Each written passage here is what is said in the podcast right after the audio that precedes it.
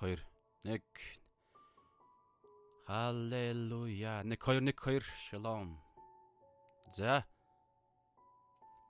За орой минь тэтгэлээхэн дэс нар минь ээ. За би нэг дууга шалгаад. Тэгээд эхлэе. 1 2 За за за. За товчхон залбираад эхлэе. Өнөөдөр бүгдээрээ раунд 7 дугаар бүлгээ дуусгана. За тэгээ орой эхэлж байгаа та харж байгаа. Хамт байх хүмүүс, боломжтой хүмүүс нь тодорхой боломжтой цаг хүртлээр байгаа. Тэгээ дахиж үзнэ зээ. Би бол яг одоо зориулт гаргаж байгаа, дуртай юм хийж байгаа болохоор тэгээд ганцаараа чамаагүй орой эхэлсэн учраас ингээ явъя. Тэгээд төгсгөлт нь бас хүмүүс комент ч юм ямар нэг юм байвал уншаа тэгээд өндөрлөнө. За өнөөдөр Ром 7-гийн 21-ээс 25 гээд сүүлийн 5 ишлэл байна. Тэгээд ерөөхдөө хамгийн одоо хүнд гэж үзэж болох энэ бүлэг ерөөхдөө ингээ дуусах юм. Юу яах вэ? Аа одоо тэ зорьсон зүйлээ яриад тэгээд та анзаарах болгон төгсгөлдөө бол Паул 8 руу холбоод тэгээд ерөөдөө явнаа. За би унш залбираад эхлэе бүгдээрээ. Эзэн минь ээ таньда энэ цагийг өргөж байна. Тэгээд та бид бүгдтэй хамт байсараад талархъя. Тэгээд онцгойлон энэ цагт өнөөдөр бас бид нар ирчүүдийнхээ баяраар Монгол ирчүүдийгээ таньда өргөж байна. Библиэлд бас та хэлсэнчлэн ариун гараа ирчүүд өргөө тал бүрд залбирах тийм танд дуулууртай Тэнгэрийн хаанчлалын зэргүүдийг эзэн та хайж байгаа. Үнэн ба сүнсээр мөрөгчдийг хайж байгаа гэдэг л эзэн. Тийм учраас жинхэнэ танаар төрсөн тийм хүчрхэг ариун ирчүүдийг эзэн Монголд та бас олон болгож өгөөч. Тэгээд тэдгээр хүмүүс маань тантайгаа хамт явахад нь та өдөрдөө тэгээд энэ газрын зүйлээс хин нэгнээс бүү хамааралтай байлгаж өгөөч. Зөвхөн таны үг, таны үннээс л хамааралтай байхад та өдөрдөө тэгээд энэ цагийг танд өргөж байна дахин сонсох хүмүүс байгаа бол тэр үнийг ч гэсэн тухайн цагт нь та бас удирдах хамгаалж өгөөр Есүсийн нэрээр амин. За би уншия. Ром 7-гийн 21-ээс 25.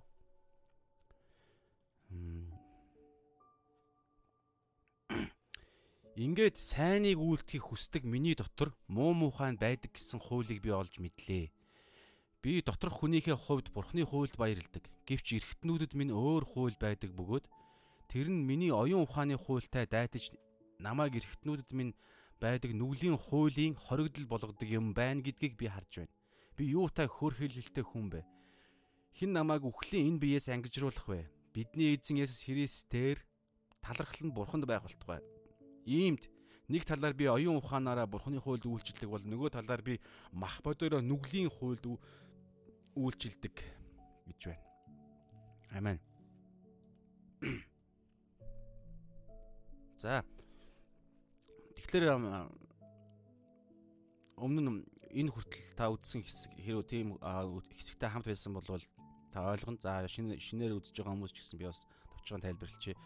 За энэ хэсэг бол дамаа а яахан Ром 7-гийнхаа 14-өөс эхэлж байгаа дотоод зөрчил гэдэг энэ хэсэг бол итгэгч хүн тэр дундаа тэгээ жинхэнэ итгэгч хүн бүр төлөвшсөн итгэгч хүн Ром номыг одоо биччих үеийн а Паул итгээд өөрчлөгдөө дахин төрөөд бүр 20 гаруй жилийн дараах тэр байгаа байдлаа Паул илэрхийлж байгаа, илчилж байгаа гэж ихэн юу олон теологчид Библи судлаад судлаач нар санаа нэгддэг шүү. Тэгэхээр итгэж хүмүүсийн дотоод зөрчлийг ярьж байна гэж та ойлгоорой. Тэгээ энэ нь байн үргэлжлэх а дотоод тулаан байгаад байгаа юм дотоод тулаан. За тэрийг одоо бүгд өнөөдрийн хэсэг бол ерөнхийдөө бол дүгнэх хэсэг гэж бас харж болно. Тэгээд гарчиг бол үргэлжилсээр байгаа. За энэ бол лайв учраас та бас ойлгоорой. За үргэлжилсээр байгаа тийм зөрчил гэдгийг та бол бас харах боломжтой.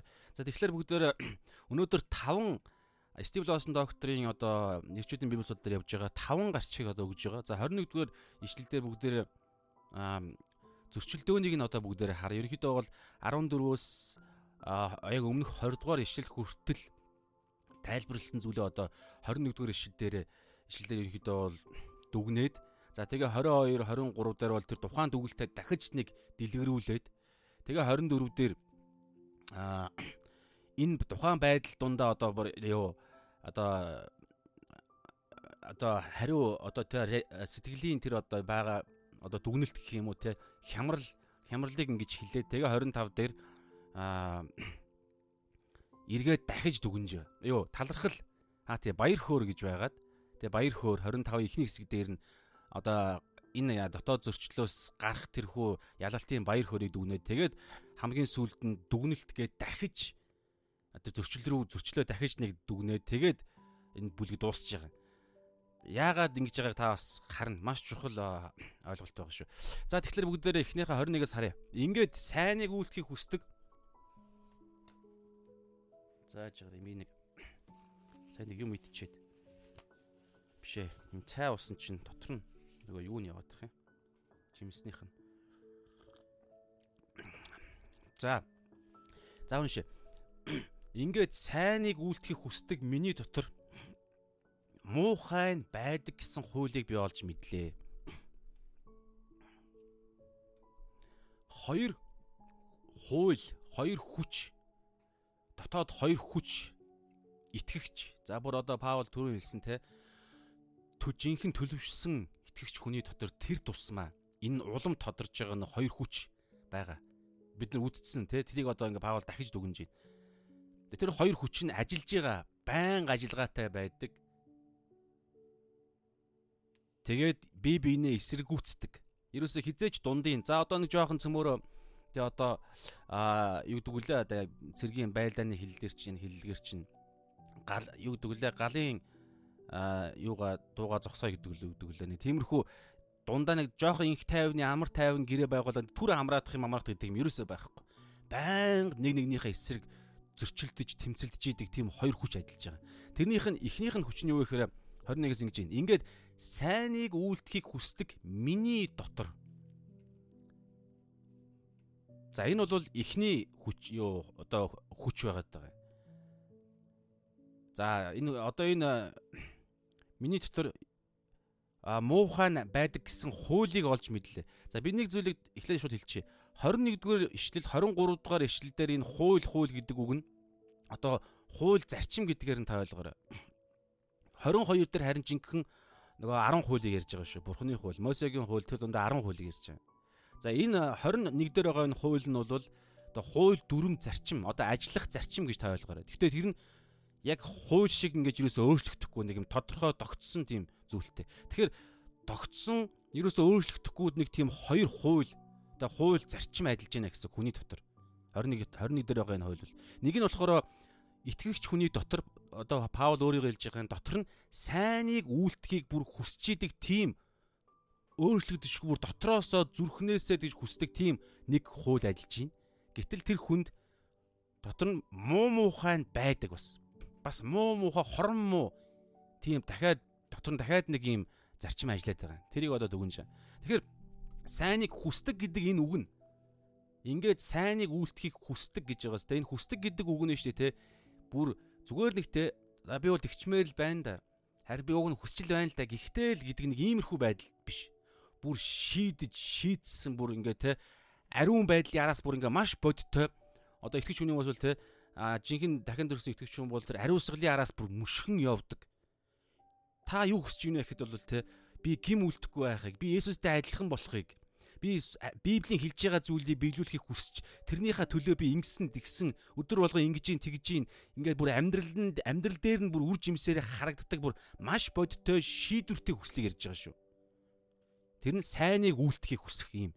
Бүр Петрүү хэлсэн шүү дээ. Бүр Паул явд бол 22 жилийн дараах ойролцоогоор нөгөө Дамаск гэдэг Есүстэй уулзаа тэгээд илчлэлт нь итгээ тэгээд бүр ингээд үйлчлэлийн 22 20 гаруй жилийн дараах Паул өөрийгөө ярьж байгаа байхгүй. Бүр үүнийхээ төлөө бүр өвхөд бэлэн те. Та мэдэн шүү дээ те. Урд нь их нартай байсан үгүй тэрэн сайн мэдэхгүй. Ямар ч хэлсэн одоо ингээд бүр хувийн амьдралаа хүртэл хойшин тавиад хаанч төлөө хамаг юмаа зориулж байгаа. Ийм хүслийг ярьж байгаа шүү. Бүр зориулалттай. Тэгээ өдөр бүр өөрийгөө үгүйсгэж те.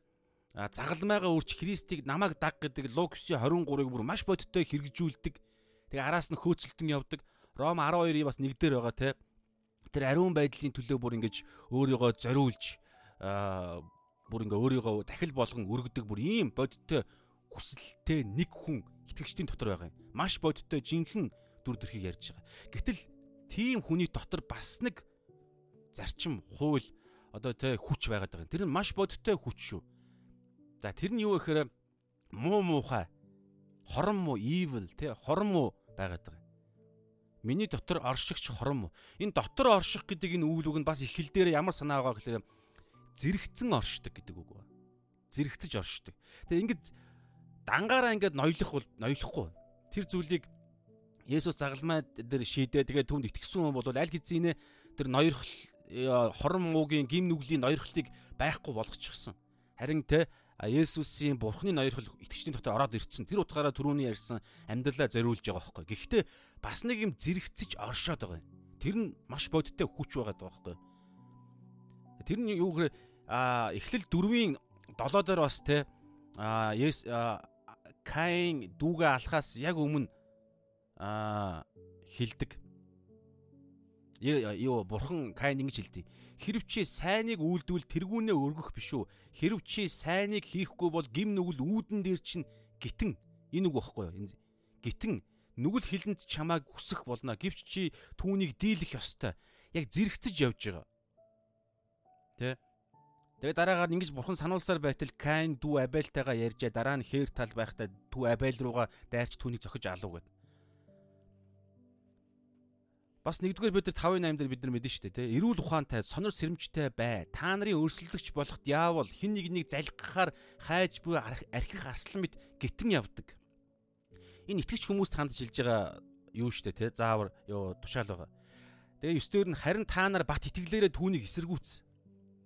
Тэгэхээр яг зэрэгцээ итгэгчдийн дотор нь биед нь одоо яг цааш нь бид дэлгэрэнгүй харна. Махан биеийн эргэтнүүдэд нь маш бодиттой нэг хорон муу хүч оршиж байгаа байхгүй.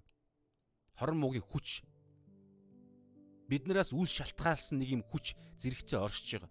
Тэгэхээр бидний сүнсэнд бол байхгүй бид нар үдсэн те бидний сүнсэнд бол байх боломжгүй. Гэхдээ оюун санаа дамаа бүр махан биеийн төвшөнд бол байгаад байгаа. Тийм учраас энэ дотор орших гэдэг нь зэрэгцэн орших. Тэгээд гитэн нуугдж яадаг. Тэгээд хизээд хизээд хизээч хамаагүй нөхцөл бүртгэл юм бол боломж нь гарч ирэх юм бол үсрээд дайрахад бэлэн архих архирах арслан шиг ингэж зэрэгцэн оршиж идэг. Тийм хорон муугийн хүч итгэгч хүний дотор байгаад байгаа. Насан туршдаа энэ байна. Хизээч энэ хууль өөрчлөгдөхгүй гэж байгаа шүү. Энд дэлхий дээр байгаа л бол энэ дотоод зөрчил тодорхой энэ хизээч энэ байхгүй болохгүй. Гэхдээ энэ нь аа ёо энэ дотоод зөрчлөө одоо бид үзэж байгаа ингээ цаашаага маш чухал тэрийг ойлгож дараагийн төвшөнд гарах юм байна. Гэхдээ энэ зүйл хизээч зөрчил байхгүй болохгүй гэдгийг та маш сайн ойлгоорой. Тэгээ энэ өөрчлөгдөшгүй хууль дотоод дайн бол байнга байна гэж ярьж байгаа. Энэ дэлхий дээр шүү дээ тий. А Есүсийг ирэх үед юм уу эсвэл цаг нь болоод бид нойрсох үед бол энэ зүйл зогсно. За тэрийг бол ерөнхийдөө ингээд 21 дээр Паул дахиж дүгнээд одоо энэ 21 дээр байгаа энэ хоёр саяны хэлсэн хоёр зүйлээ тий. Сайныг үлдэхийг хүсдэг миний дотор муу муухай байдаг гэсэн хуулийг би олж мэдлээ гэж хэлээд энийга цааш нь дэлгэрүүлж байгаа. Англи дээр бол энэ 22 дугаар ишлэл for гэдэг үгээр хэлж байгаа юм. Тэг грек дээр бол gar гэж хэлсэн баха. Тэгэхээр одоо 22 23 дээр бүгдээрээ саяны 21 дээр ярьсан энэ одоо хоёр хүчийг одоо Паул дахиад яах чинь дэлгэрүүлж тодруулах тодруулга хийж өгч чинь. За бүгдээр харъя. Тэгэхээр эхнийх нь 22 дээр би доторх хүнийхээ хувьд доторх хүнийхээ хувьд гэж байна. Бурхны хуйлд баярладаг За тэнгууд 23 дээр гівч харин нөгөө нөгөөт хүч нь юу вэ гэхээр эргэтнүүдэд минь доторх хүнийх нь хувьд Паул өөрийнхөө энэ жинхэнэ юм зүйлээ ярьж байгаа шүү. Паулын доторх жинхэнэ хүн нь Бурхны хуйлд баярладаг. Харин эргэтнүүдэд нь одоо махан биеийн эргэтнүүдэд нь а хэрүү оюун санаагаа шинчлэхгүй бол оюун санааг нь ч гэсэн залилж мэхлэх аргаар бас ажилтдаг. Эргэтнүүдэд нь өөр хууль байдаг. Энэ хууль гэдэг бол түрүү хэлсэнтэй нэг юм хүч, ажиллагааны зарчим гэдгийг та гэж ойлгоорой. Нэг ажиллах зарчим байгаа. байж идэг. Тэгээ тэр нь миний оюун ухааны хуультай дайтаж намайг эргэтнүүдэд минь байдаг нүглийн хуулийн хоригдл болгодог юм байна гэдгийг би харж байна гэж ярьж байгаа. 20 хэдэн жилийн туршид Паул тэрийг одоо Паулд бурхан илчилж байна, илчилсэн гэсэн. За тэгэхээр 22 дээр байгаа эхнийх нь хуулийг бүгдээр харъя. Тэгэхээр доторх хүн буюу доторх Паул гэж ярьж байгаа нь бид нар бас те 10 за 17 20 дээр бас бид нар үзсэн шүү дээ ингэсэн. Харин идүүгээ цаашид би биш. Харин миний дотор оршин байгч нүглэн. Тэгэхээр Паул өөрийгөө би гэж хэлэнгүүтлээ харин нүглийг үйлдүүлдэг тэр нэг хүчийг бол нүгэл гэж ярьчихж байгаа. Одоо гимт чанар. бид нар үтсэн хэсэг байгаад байгаа шүү дээ тий. Гэхдээ энэ би гэдэг нь бол сүн ариун сүнсээр бүтээгдсэн жинхэнэ тэгээ гим үлдэх чадвар боломжгүй тий. Тийм яг Есүстэй адилхан болсон тийм сүнсийг ярьж байгаа. Дотоод жинхэнэ Паул ярьж байгаа шүү. Нөгөө мөнх амьд амийг хүлээ авчихсан байгаа. Харин махан биеинд нь болохоор махан биеийн хүсэл тачаалыг нь ашиглаж ялзарсан энэ үхлийн бие гэж бас доор үзнэ. Одоо утгагүй. Тэгэхээр тэр биед нь нүгэл нүгэл орш нүглийн нөлөө оршсоор байгаа байхгүй. Тэгээ бүр доороос байгаа. Бүр боолчлох хэмжээнд хүртэл эрсдэл нь хിവэр байгаа. Гэхдээ энэ боолчлох гэдэг нь түр ярьсан. Юу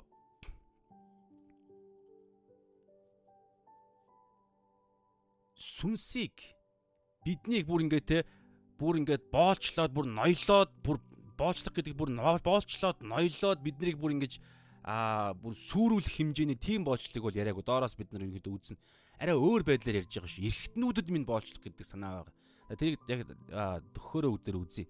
Тэгэхээр эхнийх бол доторх тэгээ доторх 21 дээр 22 дээр доторх хүнийхээ хувьд гэж ярьж байгаа нь бол зөвтгөгдсөн Есүс одоо Эфес 2-ын 8 9 дээр байгаа санаагтаагаас хараарай.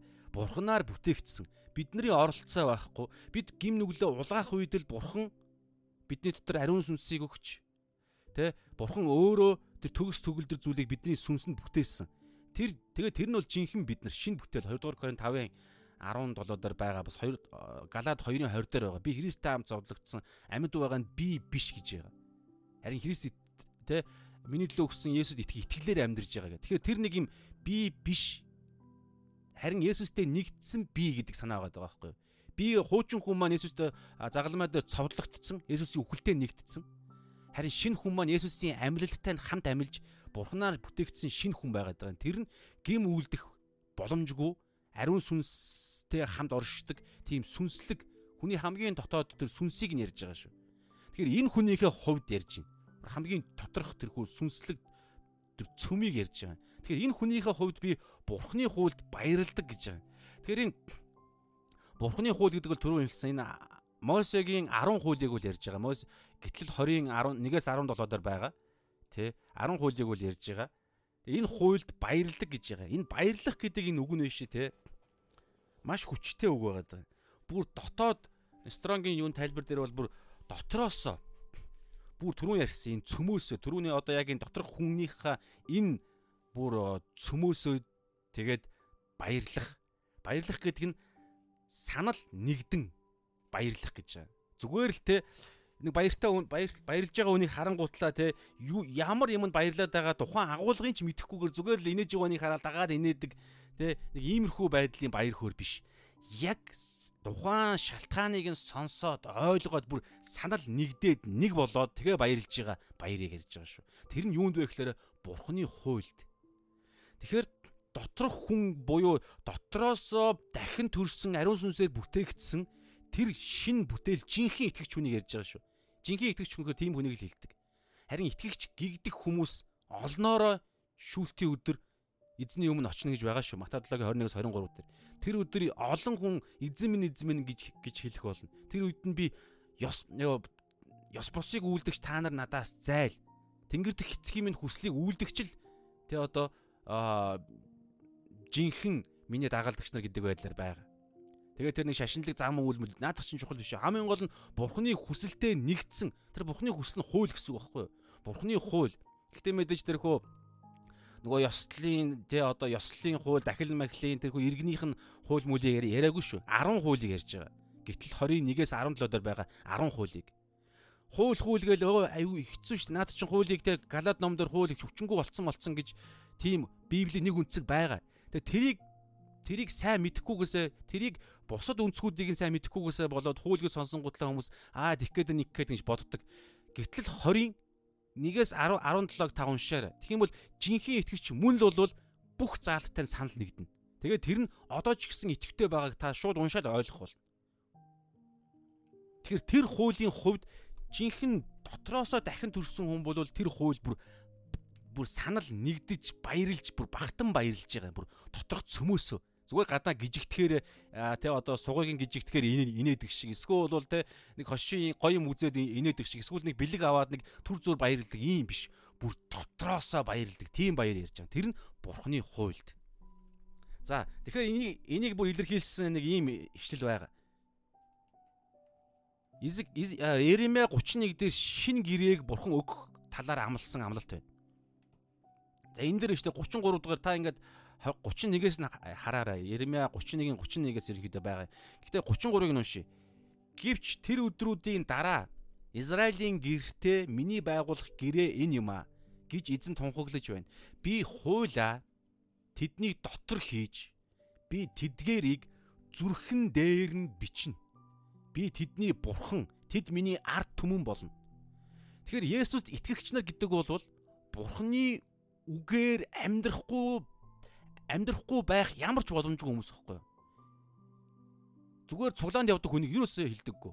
Мэдээ цуглаанд явдаг байдлаар илэрнэ. Гэхдээ тэр хизээч гол заалт нь биш. Бурхны үг хүсэл бидний хүсэл болцсон тийм хүнийг ярьж байгаа.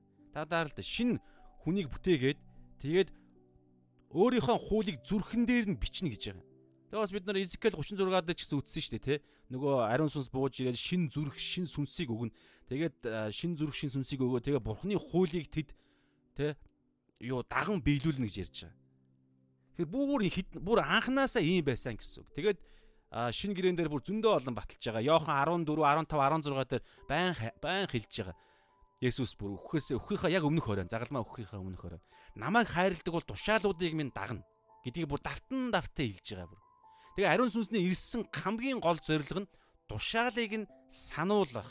За мэдээж 2 дугаар Коринт, 2 дугаар Тимот 3:16 дээр тэр Библи нь хүртэл Бурхны амьсгалснаар бичигдсэн гэж байгаа. Ариун сүнсээр бичигдэж байгаа онгод оруулагдаж. Тэгээ ариун сүнс биднэрт Библийг бичиж өгөөд бичүүлээ, бичүүлээд тэгээ тэрийг ойлгоход тусалдаг, заахад тусалдаг. Тэгээд оюун санааг шинчлэхэд тусалж байгаа. Тэгээд сануулж байгаа. Тэгээд сахин биелүүлэхэд туслахаар ирж байгаа. Ерөөсөө л Библийн үгийг өөрөөсөө юу ч ярьдаггүй гэж байгаа. Йох 16 дээр. А өөрөөсөө шин юм ерөөс юу ч ярьдаггүй. Зөвхөн Есүсийн энэ үг тушаалыг л биднэрт зааж, сануулж, гэрчилж, биелүүлэхэд туслахаар ирж байгаа. Тийм учраас итгэгч хүн гэдэг энэ ойлголт Бурхны хуулинд бүр цөмөөсөө баярладаг. Түрүү энд хэлсэн шүү дээ. Бидний тэр шин хүн нь өөрөө Бурхны хууль гэхгүй юу? Бурхны хууль чи өөрөө бидний шин дүр төрх угаасаа. Түрүү энд хэлж штэ. Тэр өдрүүдэн дээр тэгээд би тэдгэрийг зүрхэн дээр нь бичнэ. Хүнд зүрх байхгүй бол амьдрахгүй штэ. Тэ? Ром 5 дээр ч гисэн байгаа. Ариун сүнс ороод хүний зүрхэнд бурхны бидний зүрхэнд бурхны агапе хайрыг бэлхэн дүүрнээр ингээ бидний зүрхийг одоо тий агапе хайранд ингэж бэлхааж байгаа. Тэгэхээр бидний жинхэнэ одоо амьд явах гол зүйл чинь ерөөсөө тэрхүү бурхны хайр. Тэгээ хайр гэдэг чинь өөрөө бүх тушаал нь ерөөсөө ганцхан хайр гэдэг үгэн дээр багтдаг шүү дээ. Тэгэхээр бурхны хуулинд баярлна гэдэг чинь ерөөсөө бидний мөн чанар болцсон учраас баярлдаг. Тэгэхээр энэ шин нөгөө жинхэнэ итгэгчтэй бүр төлөвшсөн итгэгч хүний нэг дүр төрх бол ерөөсөө яг энэ. Бурхны би доторх хүнийхээ хувьд буюу жинхэнэ дахин төрсэн хүнийхээ хувьд бурхны хууль бүр баярлдаг. Яагаад гэвэл тэр хууль бол ерөөсөө би миний мөн чанар байгаа байхгүй бид нарын. Энийг маш сайн ойлгоорой чуулганд сатан энэ дээр бүр өстө үеийн үед ерөөсөө үүс номноос ихэл эхлээл дандаа энэ дээр тоглолт хийж байгаа шүү. Хоёр тал руу хазаалах гэж оролддог. Нэг тал нь болохоор юу гэхээр өө хууль ерөөсөө ямар ч хэрэггүй хууль бол юу тэ юу хуулийн бид нар доор нь байгаа гэдгийг ерөөсөө тийм яриаггүй шүү. Ялгаатай юм ерөнхийдөө маш олон тийм цогц байгаа шүү. Галат ном бол Галат номон дээр бид бид хуулийн дор байхаа болсон гэж ярьж байгаа. Тэр үнэн. Дамаа тэрхүү нөгөө 613 хууль. Гэтэл доор нь байхаа яаж болсон бэ гэхээр Есүсийн үхэл амьлалтай нэгдснээр. Тэгээд бид шин бүтээл болж байгаа. Харин шин бүтээл нь зүгээр доор мөнгө дээр доорын ийм байршлын ялгаа биш. Шин бүтээл болохдоо Есүсийн хүчээр ямар ч юм биелүүлэхгүйгээр зөвхт байдал биелүүлэхгүйгээр хуулийг биелүүлэхгүйгээр шинэ бүтээл болцсон. Тэгсэн чинь шинэ бүтээл болоход шинэ бүтээлийн зүрх нь ямар зүрх байгаа вэ гэхээр Бурхны хуулийн хуулийн мөн чанартай нэгдчихсэн. Хууль тэр хоёр нэг болцсон тийм зүрх байгаа байхгүй. Тэгээ тэр нь 10 хуулийг онцгойлон ярьж байгаа. Тэр үнэхээр яах гээд байвал Гэтэл ингээд өөр янз бүрийн байдлаар ингээд бид аль хэзээ тэрхүү бүх хуулийн нэг хэсэг хуультай ингээд нэгтчихсэн байдаг. Тэгэхээр дотроосоо ингэж баярлдаг гэж ярьж байгаа. А тэгээ итгэвч бол сая бол итгэвч болсны тэрхүү үйл явцыг сая бол ярьлаа бид нар те. Итгэвч болоход бурхан ариун сүнсээрээ бидний зүрхэн дотор зүрхэнд нь маань тэрхүү хуулаа ингэж шигтгэж өгч байна. Гэхдээ итгэвч болохоос өмнө өөрөөр хэлбэл одоо итгэвч биш бүх хүмүүсийн даалт ухамсарт нь энэ хууль нь бас байдаг шүү. Тодорхой хэмжээнд байдаг. Тийм учраас Ром а 2 вэ нэг дээр байгаа. 2 дээр байгаас нэгдэж байна. Хүн хүний зүрхэнд нь тэр хууль бичээстэй байдаг гэж ярьж байгаа. Зүрх гэдэг илэрхийлэлээр байгаа. Далд ухамсарыг илж байгаа байхгүй юу? Шин зүрх биш шүү дээ. Зүгээр хүний тэрхүү байгаа зүрх нь Иремья 17 дээр байдаг тэрхүү идэвшгүй өвчтэй зайл ойлгохын аргагүй тэр зүрхэнд нь хүртэл далд ухамсарт нь тэр хууль байж идэг. Тийм учраас ямар ч аливаа улс үндэстний үндсэн хуулийг харах юм бол дандаа тэр Библийн хэлж байгаа үндсэн санаа санааг юусаа дандаа тусгасан байдаг. Хүн алга, хулгай хийх те завхаарах, мавхаарах те одоо худал мэдүүлэг өгөх мөх те тэгэл ээж аавудаа ачлалгүй байх мах бүгд ингээд ямар ч хүний дотор ингээд байж идэг.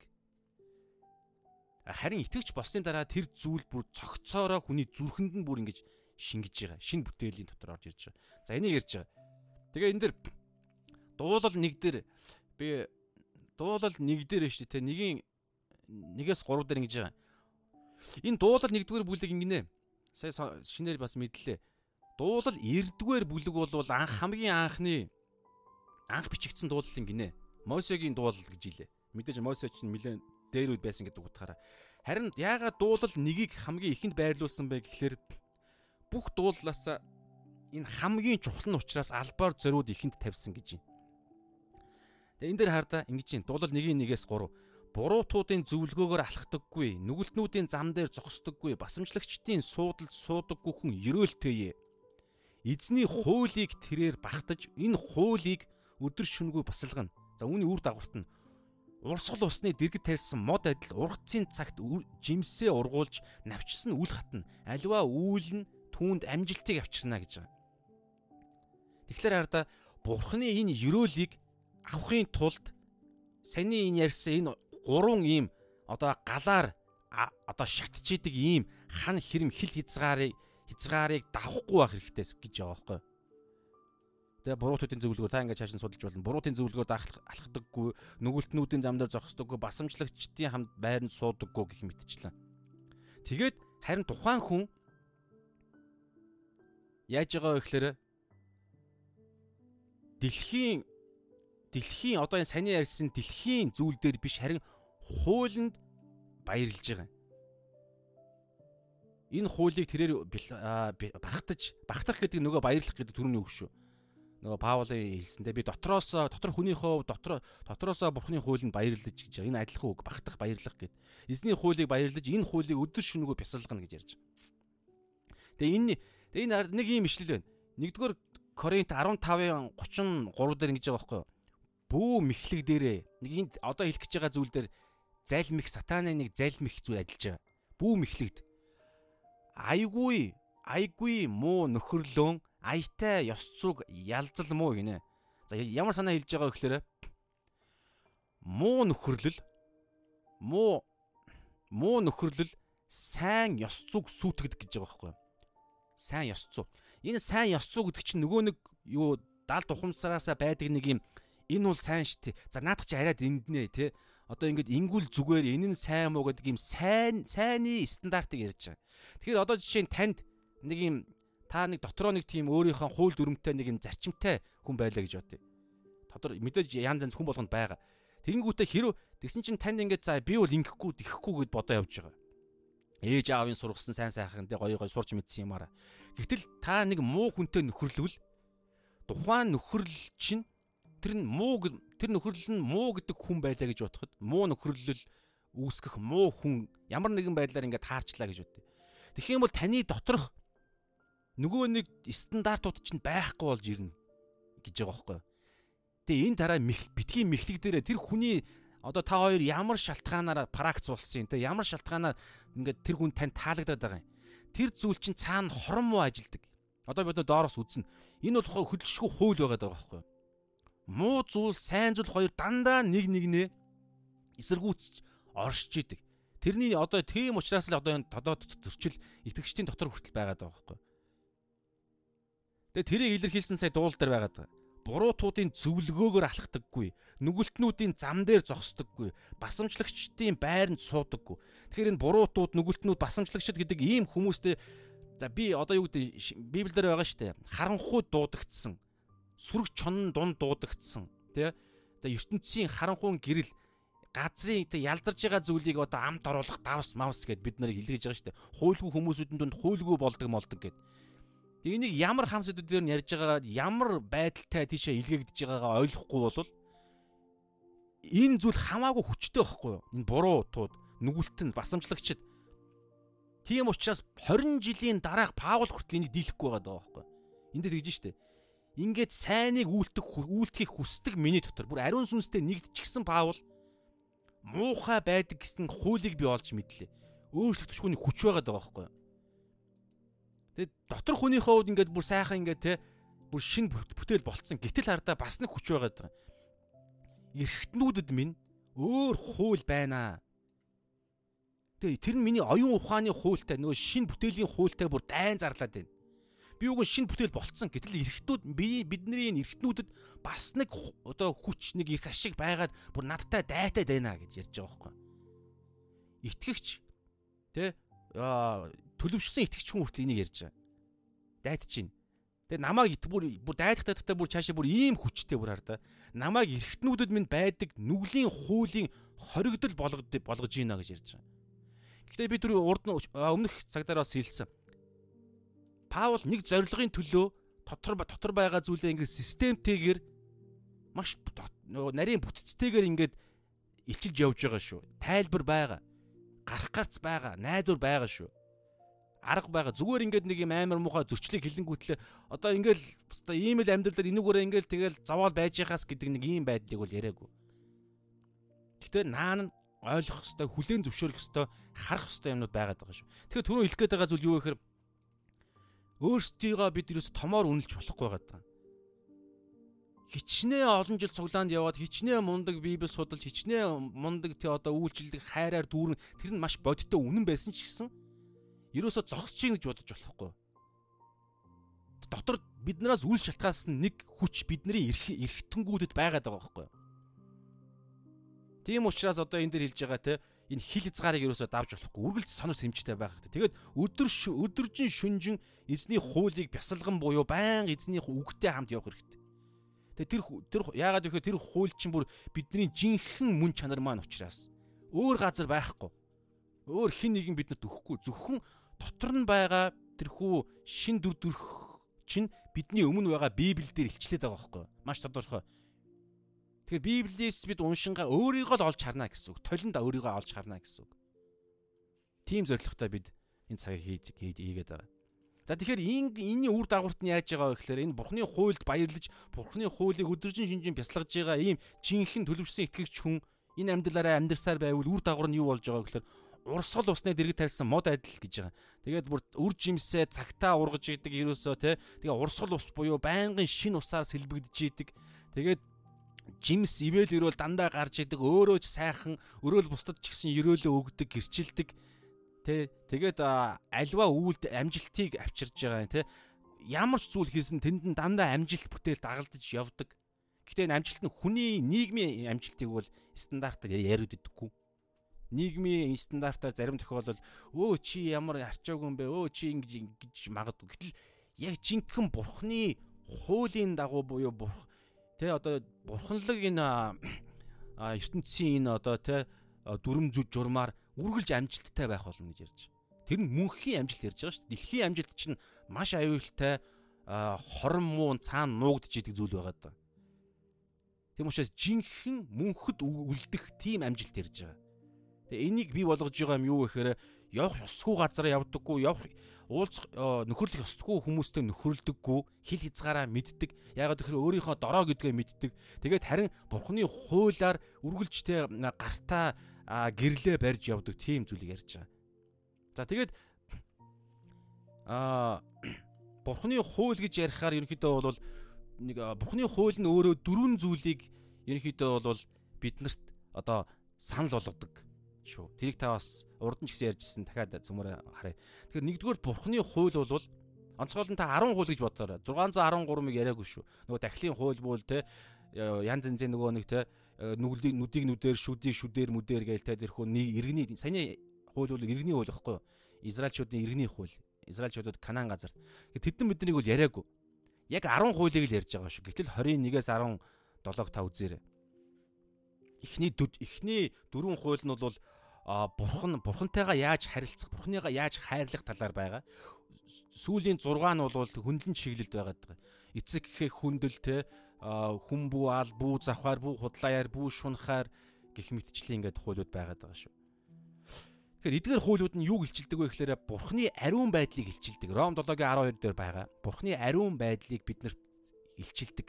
Өөр хаанаас ч энэ илчлэгдэхгүй. Энэ мэдээлэл өөр хаанч байхгүй. Зөвхөн бурхны хуульд л байгаа юм. Мэдээж 10 хууль дээр тулгуурласан бусад хуулиуд ч гэсэн энэ улам мэдүүд дэлгэрүүлнэ. Гэтэ 10 хууль нь суурь шүү. Шинэ гэрэн дээр ч гэсэн ингээ 10 хууль суурин дээр тавиад Есүс элчнэр ингээ дэлгэрүүлж ингэж янз янзын байдлаар ариун сүнсээр дамжуулан ингэж дэлгэрүүлж байгаа. Гэтэ үндсэн суурь нь 10 хууль байгаа даа. Тэгээ Бурхны ариун байдлыг нэгдүгээрт илчилт би илчилж биднэрт харуулдаг. Юу зөв, юу буруу гэдгэн дээр буруу зөвийн стандарт, бузар муугийн стандартыг тэр ариун байдал гэдэг чинь өөрөө тусгаарлагдах гэж ярьж байгаа шүү дээ. Тэр үг нь өөрөө тусгаарлагдах. Сайн зүйл нь муу зүйлээс бузар ариун зүйл нь бузар зүйлээс зөв зүйл нь худал хуурмгаас үнэн зүйл нь худал хуурмгаас ингээд тусгаарлагдсан байдал ч өөр ариун байдал байхгүй. Тэгэхээр тэрийг бурхны хууль зөвхөн хилдэг. Хоёрдугаарт нь бурхны хүслийг илчилдэг. Ром 2:18 дээр ирнэ байгаа. Хуулиар л хууль нь хуулиас л буюу Библиэс л бид бурхны хүслийг олж мэдэх боломжтой. Өөр хаанч байхгүй. Маш тодорхой Библиэл дээр л байгаа. Гэхдээ ариун сүнсээр л тэрийг олж харна. Ариун сүнстэй хүмүүс л тэрийг тэндээс олж харж итгэж өөрөө өөрийнхөө өөрийнхөө оюун санаагаа тэр хүсэлтэд нэгтгэж шинчилдэг.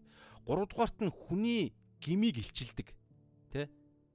Тэгээрээ хийгээрэй гэсэн зүйлийг хийхгүй гимнүг л тэр нь omission гэж байгаа. Харин битгий хийгээрэй гэсэн зүйлийг хийж байгаа гимнүг л тэр нь commission гэдэг хоёр төрлийн хууль байна. Ром 3:20 дээр байгаа шүү дээ хуулиар нүглийн мэдлэг ирдэг гэж байгаа. Дөрөвдүгээрт нь Христ рүү чиглүүлдэг. Аа би няч Галаат 3 баггүй юу?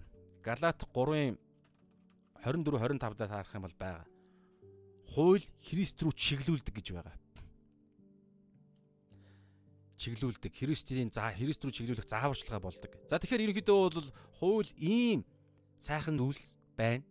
Тэгээд энэ зүйл зүрхнээсээ баярлдаг нөгөө шинэ хүнийг л яриад нь шүү дээ. Бүгд одоо энэ дээр жоохон дэлгэрүүлж байна. Жинхэнэ итгэгч хүн саний ярьсан иймэрхүү зүйлсүүд ингээ байна гэсэн үг. Тэгсэн мөртлөө одоо хоёр дахь нь удахгүй үзэн шүү. Дахиад нэг өөр цаана бас нэг юм хууль яваад байгаа. За тэгээд дуулал 119 дугаар бүлэг бол тэр чигээрээ Бурхны хуулийн яруу алдрыг илэрхийлсэн хууль байдаг шүү. Яг бүлэг байгаа шүү. Дуулал 119. Та чийлэх хэрэгтэй. Тэгээд 176 ишлэлтэй 119 бүлэгтэй ийм 119 дугаар бүлэг нь 176 ишлэлтэй. Тэгээд 8 8 ишлэлээр ингэж одоо шатлж шүлгэл шүлгэлсэн 22 шатлал шат шүлгтэй ийм зүйл байгаад байгаа. Ийм том бүлэг байгаад байгаа. Тэгээд зохиогч нь бол тодорхойгүй гэхдээ маш агуу сүнслэг хүн байсан гэдэг нь тодорхой харагддаг.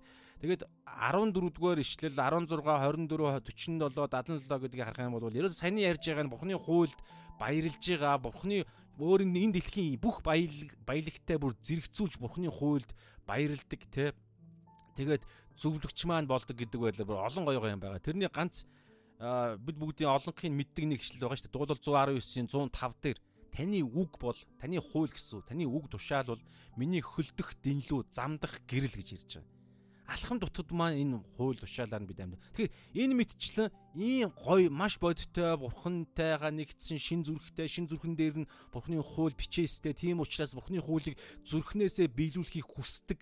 Тэр нь бүр хүсэл мөрөөдөл нь бүр дурлал дурлах зүйл нь болцсон тийм хүн байна. Гэтэл нөгөө талд 23 дээр гівч гихтээ гэдээ эхэлж байгаа. Эрхтнүүдэд минь биеийн эргэтнүүдэд минь энэ эргэтэн гэж яриага толгоон оройноос хөлний уул хүртэл бүх эргэтэн ярьж байгаа шүү. Маш бодиттой махан биеийн эргэтнүүдийг ярьж байгаа. Зүрхнээсээ биш шүү. Сүнснээсээ биш. Эргэтнүүд энэ биеийн эргэтнгүүд. Одоо ингээд хүн өлсгөөрөө одоо нүдэрээ бид юм хардаг те. Одоо нүдэрээ харахад харж байгаа зүйл чинь ингээд бид нарыг ингээд одоо боолчлох эрсдэлтэй гэдэг тийм юм руу ярьж эхэлж байгаа байхгүй. Жинхэнэ итгэгч рүү хүртэл ярьж байгаа. За уншия. Гифт гэхдээ эргэтнүүдэд минь өөр одоо хууль дүрм нэг хүч ажиллаж байна гэсэн үг. Хууль байдаг бөгөөд тэр нь миний оюун ухааны хуультай дайтаж энэ оюун ухаан нь ямар зүйлийг ярьж байгаа вэ гэхлээр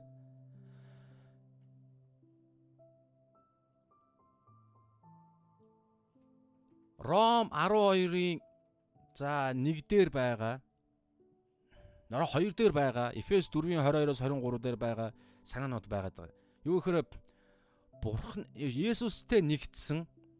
Энэ арда Есүстэй Есүстэй нэгдсэн. Есүсийн сүнсээр Есүсийн үгээр одоо шинчлэгдэж байгаа сүнс ба үннээр ингэж а улам илүү ингэж тий одоо харах зүйл нь томорч үннийг олж харж ирэх чөлөөнд гарч байгаа тийм оюун ухааныг ярьж байгаа.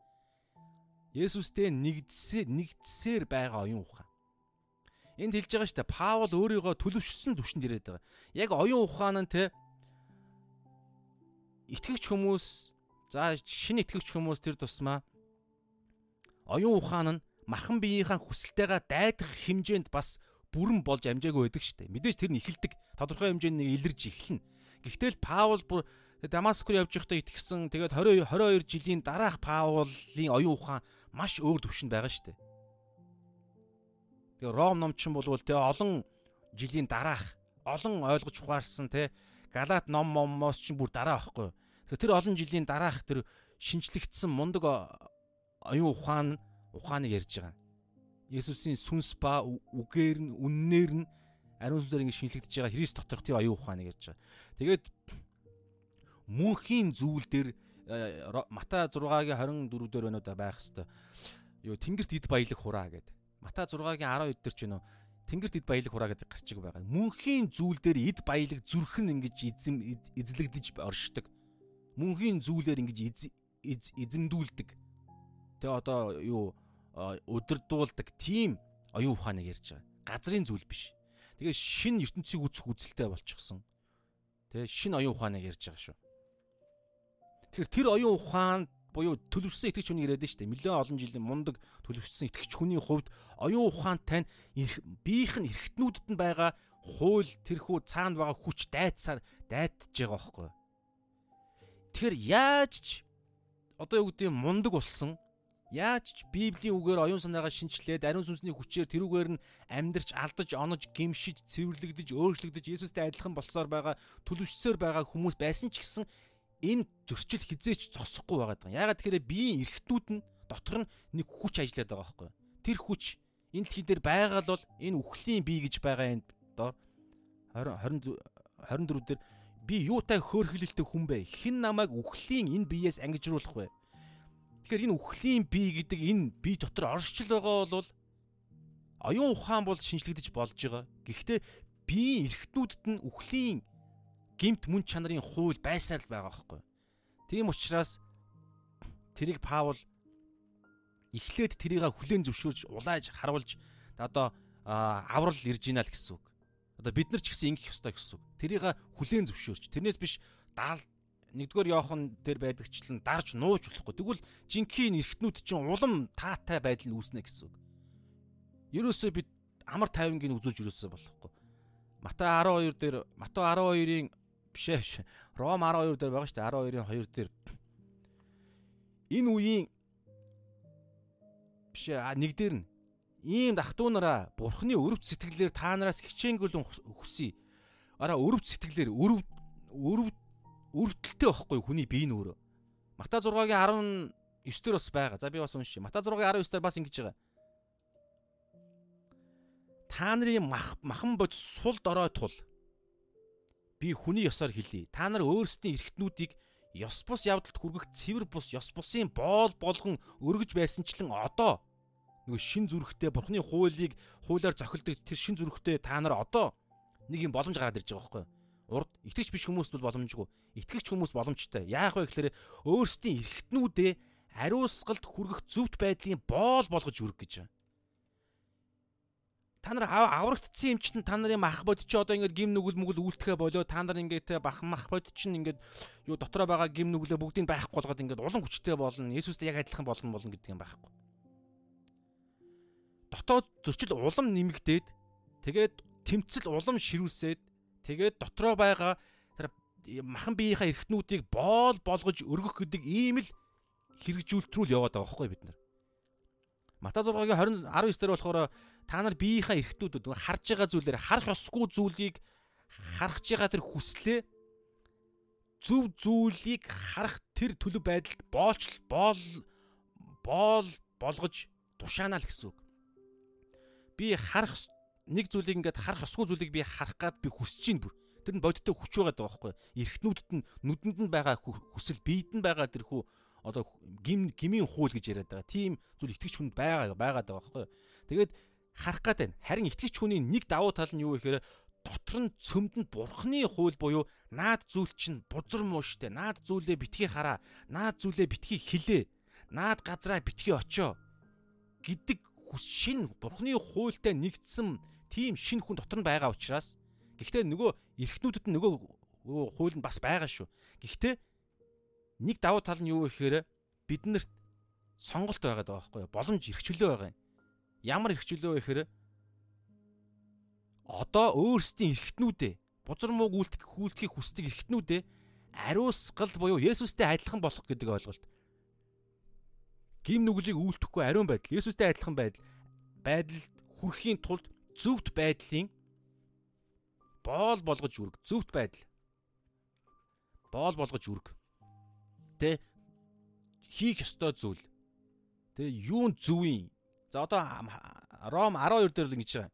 Ийм дахтуунараа Бурхны өрөвч сэтгэлээр та нараас хичээнгүлэн үсээ. Та нарын махбод чинь сул дорой штэ. Тийм учраас танаас хүсье гэдэг байдлаар өөрсдийн биеийг биеийн эрхтнүүдийг Бурханд зөвхт байдалд буюу Бурханд тааламжтай. Тэгэхээр тэр зөвхт байдал чинь юун тааламжтай юм те? Юун амьд юм? Дотроо амийг агуулсан юм юу нь ариун юм те. Та бас энэ а 12 дээр ингэж байгаа юм. Тэгвэл бурхны сайн юун сайн юм, юун тааламжтай юм, юун төгс төгөлдөр юм. Тийм хүсэл хүслийг хүсэл тийм зүйлсүүдэд бид бие биеийнхээ эрхтнүүдийг амьд дахил болгож өрг гэж ирж байгаа. Энэ нь та нарын сүнслэг мөргөл мөн. Сүнслэг мөргөлийн амьдралыг ярьж байгаа. Насан туршдаа нөгөө нэг биеийнхээ эрхтнүүдийг Тэ дахил болгож өргөх. Өөрөөр хэлбэл дахил гэж ярихаар ерөөсөө өхүүлэх гэсэн санаа байгаа шүү дээ. Одоо нэг жижигхэн хургийг дахил болгож өргөх гэж ярихаар тухайн хургийг алхал гэдэг ойлголт байгаа шүү дээ. Дахилын ширээн дээр тодорхой зааварчилгааны дагуу тодорхой зорилготойгоор алхал юм ярьж байгаа шүү дээ. Тэгэхээр биеийнхээ эрхтнүүдийг дахил болгож өргөх өргөхээр биеийнхээ эрхтнүүдийг өхүүлэх гэсэн санаа. Гэтэл биеийнхээ эрхтнүүдийг ингээд тий одоо юу гэдгийг Матай 5 ав дээр байдагчлаа нөгөө Есүсийн зүүрлэлээр хилдэгчлэн нүдэ ухаад аваад хай гэдэг санаагаар байна шүү дээ. Яагаад гэхээр дээр амьд гэж байгааз амьд тааламжтай ариун.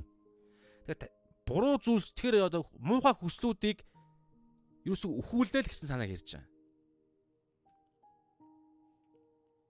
Тэгэхээр жинхэнэ амьд зүйлс нь улам илүү гарч ирдэг. Гарч ирдэг байгаад байгаа. Тэгэхээр 24 23 дээр тэгж байгаа шүү дээ. Эрхтнүүдэд минь. Гэхдээ За ингээд түрүүн ярьсан сайн сайхан нөгөө нэг бурхны хууль баярлсан нөгөө нэг дотроосоо те бурхантай адилхан болж байгаа тийм гоё хүн байна. Гэтэл эргэтнүүдэд нь эргэтнүүдэд нь өөр хууль байдалж байгаа. Өөр хууль байдаг. Өөр хууль. Хууль гэдэг үг шинэ мэдэн штэ. Догтсон дүрм журмыг ярьж байгаа. Зарчим. Тэгэхээр хүний бие бол үргэлж нэг зарчмаар л ажиллаж байгаа. Тэр нь хорон муугийн зарчмаар. Хорон муугийн хорон муугаар ингэж юу вируст ч гэсэн хэрэгтнүүд байгаа байхгүй юу? Анханасаа мэдээж ингэж бүтээгдээгүй шүү дээ. Итгэж болсны дараа энэ хорон муугаар ажиллаж байгаа энэ эргэтнээ өөрчлөгч боломж байгаа. Гэхдээ нэг үнэн хүлэн зөвшөөрөх нь юу вэ гэхээр Паулын энийг бид ойлгох хэрэгтэй байгаа байхгүй юу? Тэ? Гэвч эргэтнүүдэд минь өөр хууль байдаг бөгөөд тэр нь миний оюун ухааны хуультай тэ шин бүтээлийн библийн дагуу оюун ухааны хуультай дайтаж намайг эргэтнүүдэд минь байдаг нүглийн хуулийн хоригдол болгодог юм байна гэдгийг би харж байна. Энийг харах хэрэгтэй байгаа байхгүй?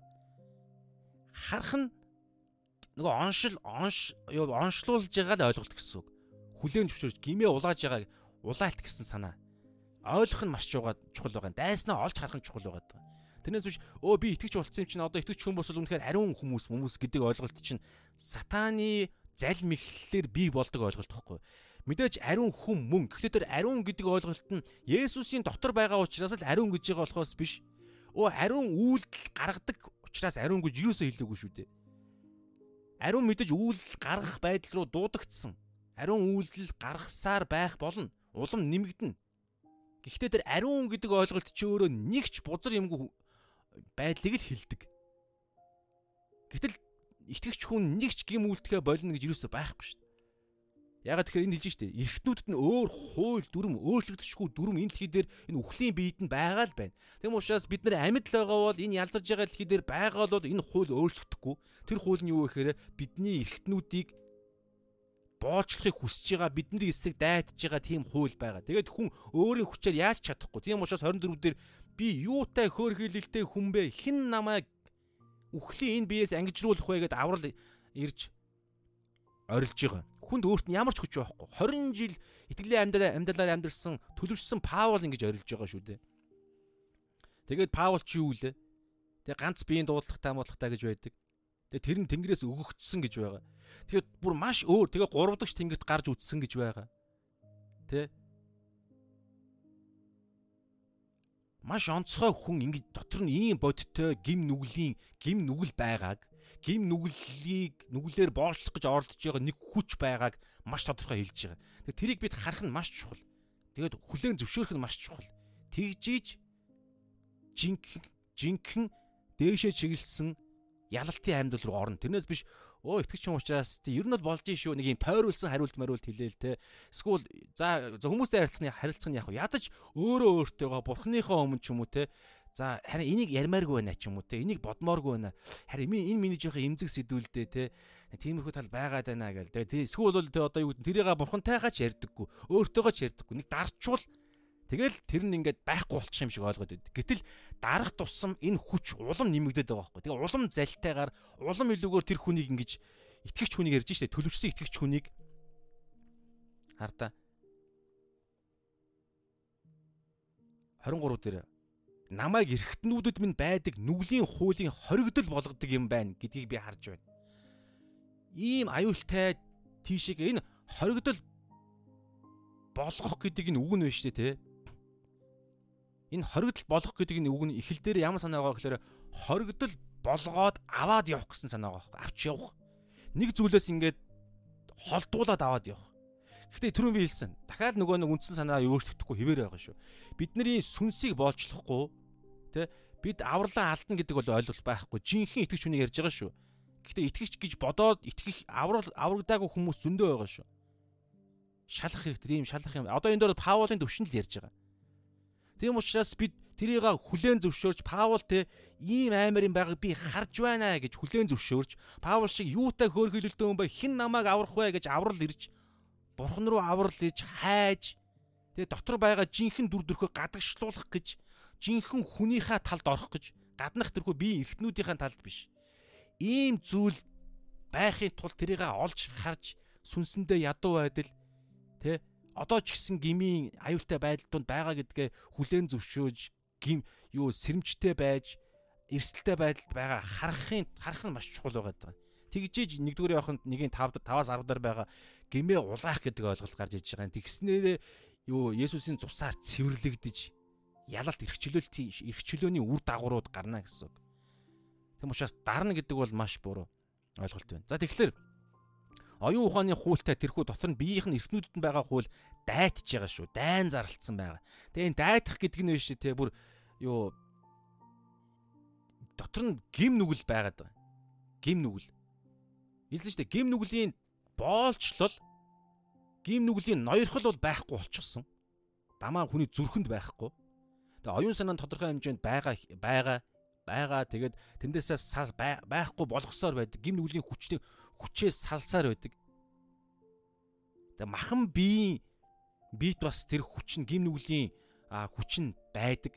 Тэндээсээ бас салсаар байх тийм дуудлагатай. Харин ингэж салахад тэрийг хүлээн зөвшөөрж гимшиж улаах гэдэг ойлголт ярьж байгаа. Тэгэхээр ийм дайн бол байгаад байгаа. Гими гим хүний оюун санааг мэхлэх зорилгоор мах бодийг боолчлох зорилгоор хуурч боолчилж те тэр хүслээр нь боолчлох зорилгоор итгэгчдийн дотор дайдсаар л байгаа. Энэ нь байн хамт байх болно. Нүд ажиллагаатай л байгаа бол гар ажиллагаатай байгаа бол бодол саажаад тэнэг болчоогүй л байгаа бол хөл явах газар тэ хаашаач явахд бэлэн тэ тэрхүү хөл нь ажиллагаатай л байгаа бол энэ дэлхий дээр байгаа бол амьсгалж байгаа бол энэ хизээч зогсохгүй энэ дайн. Тэгээ энийг бол Стив Лосон доктор нэг зүйлээр зүйрлж байгаа юм. Э, бид бол ингээд те одоо юу гэдэг ялалт руу чиглээд те одоо амлалтын газар руу тэрхүү ялалт руугаа ингээд явж байгаа машин дотор явж ийн л та. Гэтэл нөгөө тоормзын ослын тоормзыг татчихсан карлана татчихсан явж байгаа байдалтай зүйрлж байгаа. Ингээд тийм эсэргүүцгч хүч байнга тэр явхад саад болно гэсэн. Гэхдээ урагшилж байгаа. Гэтэл саад байна. Тэгээд урталт нь нөгөө зам хурд сааруулагч байнга таарлтана. Байнга.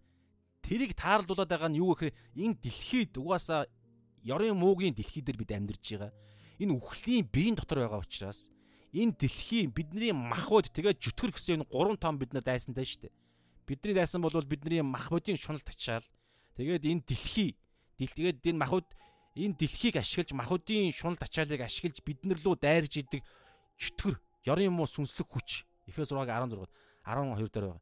Тэгэхээр ийм гурван хүч тэгээд байнга ингээд өмнө нь хурд сааруулгач 50 байнга карлаган татаастай байгаа. Энэ карлаган бол энэ дэлхийг энэ дэлхийгээс цаганд болоод энэ дэлхийгээс үхээд энэ бие орхих хүртэл энэ биеийн дотор нь угаасаа хурд сааруулгач байгаа байхгүй. Яа хурд биш нөгөө ослын тоормос татаастай байгаа. Тэр нь аюулсаа Адамаас эхэлсэн. Тэгэд бүх хүн угаасаа үхдэг штэ. Үхлийн бие, вируст ч гэсэн энэ бүх эд эст нь шингэцсэн тийм эрхт бие, махан бие байгаад байгаа байхгүй. Тийм учраас энэ бие дуусчиж л шин биеийг авна. Эфес бишээ Филиппо 3-ын 21 дээр байгаа. Би уншия. За 20-с нь уншия. Филиппо 3:20-с харин бидний иргэний харьяалал тэнгэрт байгаа бөгөөд тэндээс бид аврагч эзэн Есүс Христийг хүлээж байна гэж байгаа. Тэр Есүс Есүс маань ирэхтэй одоо хоёр дахь ирэлтийг ярьж байна те. Эсвэл бид өөхөх үед гэдгээр байдлаараас илэрж болно гэсэн үг. Цаг нь болоо те одоо энэ дэлхийг нөгөө бие орхих үед энэ бузар муухай энэ үхлийн биеийг орхих үед тэр бүх юмсыг өөртөө захируулж чадах хүчээрээ дорд биеийг маань нөгөө үхлийн дорд тэ дотроо хурд ослын тоормос нь аль хэзээ татаастай тэгээ нүглийн хуулаар ингэж боолж дандаа тэр хуульд ингэж өртөж явдаг энэ сул дорой гмийг дотроо тээж идэг гмийн хүсэлт ингэж те байнга ингэж өртөж идэг энэ биеийг маань өөрийнхөө цогж авахланд биетэй 3 хоногийн дараа өхлөөс амилсан тэрхүү алдрын биетэй тэ хан хэрми юу байшингийн хаалгыг хүртэл нэвтэлж орж исэн тэ Тэгээд э, нэг газар гинт байхгүй болчдөг. Эсвэл ингээд дээшээгээ шууд үүлэн дунд таталцлын хууль муулийг хил хязгаарыг даваад ингээд дээш өргөдөд яваад өгсөн. Яг тэр биетэйг эцгийн баруун гартал байгаа байхгүй. Бид яг тийм биеийг авна гэсэн үг. Зүгээр сүнсэн байдлаар бид өмгөд амьдрахгүй бид мэдэрнэ. Есүс амьсныхаа дараагаар нь хүүхдүүдээ танахт идэх юм байна уу гэд хамт хоолунд иддэг иддэг те. Нөгөө Галил нуурын ирмэг дээр тэгэхээр идэж уух тийм зүйл байна. Тэгэхээр Тэгэхээр тэр нь үлсэх мүлсэх тийм дорой байдал яриаггүй. Тийм мэдрэх зүйл. Тэгэхээр тэгсэн мөртлөө bara Есүс гим нүглийг ерөөсөө огт хийх тийм чадвар хүсэл ямар ч тийм эрсдэл боломж байхгүй тийм биеийг аавна. Өөрийнхөө цогж авахланд биетэй адил болгон өөрчлөн гэж байна. Тэгэхээр тэр хүртэл дайцсаар л байх болно л гэдгийг ярьж. Өөр эхнүүдэд минь өөр хууль байдаг бөгөөд тэр нь миний оюун ухааны хуультай дайтаж намайг эргэтнүүдэд минь байдаг нүглийн хуулийн хоригдол болгодог юм байна гэдгийг би харж байна. Хоригдол болгодог юм байна. Болгох эрсдэлтэй юм байна. Тэ? болгож магадгүй юм байна гэдэг байдлаараа илүүгээр угаасаа би шийдвэртэйгээр би хийх ёстой зүйлээ хийхгүй би а гарах ёстой талдаа гарахгүй болвол зүгээр аяанда гэдэг юм юусоо байхгүй. Шууд энэ энэ хууль байгаа даа байхгүй өөр хууль. Энэ зарчим өөрчлөгдөхгүй. Сатан тэгээ гимт мөн чанар хизээч за одоо жоохон чамааг жоохон амраа гэдэг юм юусоо байхгүй. Байнгын дайн дайн зарлцсан байна. Эрхтнүүдэд маань аль хэзээ бид нарыг бүр боолчлох гээд дайт чинь оюун санаа маань сайжирсан ч гэсэн оюун санаа маань төлөвшөөд мундаг те зүв болсон ч гэсэн дандаа л дайцсаар л байх болно гэж ярьж байгаа. Гэхдээ хэлсэн шүү дээ. Одоо энэ дээр гарч байгаа хэн аврах вэ гэсэн чинь дараагийн өгүүлбэр дээр нь бидний эзэн Есүс Христээр талархал нь бурханд байх болтугай. Найдвар байгаа шүү. Тэр 8 дахь бүлгээс эхэлнэ. За ямар ч байсан эхлээд энэ бод маш бодит байдлыг бид харж гин дайснаа харж гин эхлээд ажиллах талбараа олж харж гин ямар аимшигтай байдалд байгаа юм. За энэгээр явбал энд ийм байгаа юм байна. Ингэж явбал энд нэг ийм муухай юм дайрдаг нохоо байна. Энд явах юм бол энд нэг балиар баас байна. Энд явах юм бол энд нүх байна. Ингэх юм бол дээрээс юм унд юм байна байна гэдэг. Эхлээд талбараа олж харж иж тэгээд тэрүүгээр явахдаа тодорхой хүчээр явна гэсэн үг. Тодорхой нэг багж хэрэгсэл нэг зүйл надад байж ижил би явна. Өөрөө хүчээр явж чадахгүй Яг тэр өөрөө гэдэг ойлголт чи өөрөө энэ хүчинд ялагдаад байгаа байхгүй ялагддаг тийм бий байгаа. Эрхтнүүдэд минь гэж байгааз Паулын эрхтэн шүү дээ. Паулын эрхтэн миний эрхтэн. Тэрнээс биш надаас өөр нэг зүйл тэрийг л байхгүй болгочвол жинхэнэ би амь орох гээд байна гэдэг байдлаас биш. Миний энэ биед өөрөө нэг юм муухай байгаа байхгүй. Тэгэхээр нүглийн нүглийн хуулийн эргэтнүүдэд минь байдаг нүглийн хуулийн хоригдол болж байгаа. Тэгэхээр нүглийн хууль гэдэг зүйл л ерөөс үз тараад байгаа байхгүй нүглийн хууль. Тэр нь хаана байгаа нь хамгийн чухал. Сүнсэнд минь ерөөсөө байхгүй. Оюун санаанд ч гэсэн энэ нь байхгүй байх боломжтой. Паул шиг 20 хэдэн жилийн дараа Паул бүр те махан биеийн тэрхүү нүглийн хуулийн эсрэг дайдах хэмжээний оюун санаатай болцсон байгаа зин тардаа та. Гэвч эргэтнүүдэд минь өөр хууль байна. Эргэтнүүдэд нь байдаг хуультай тэрээр миний оюун ухааны хууль оюун ухааны хуультай дайтаж байгаа. Тэгэхээр аль хэзээ Паул нь Бурхны хуультай нэгдсэн оюун ухааны хууль Паул бий болцсон байгаад байгаа байхгүй.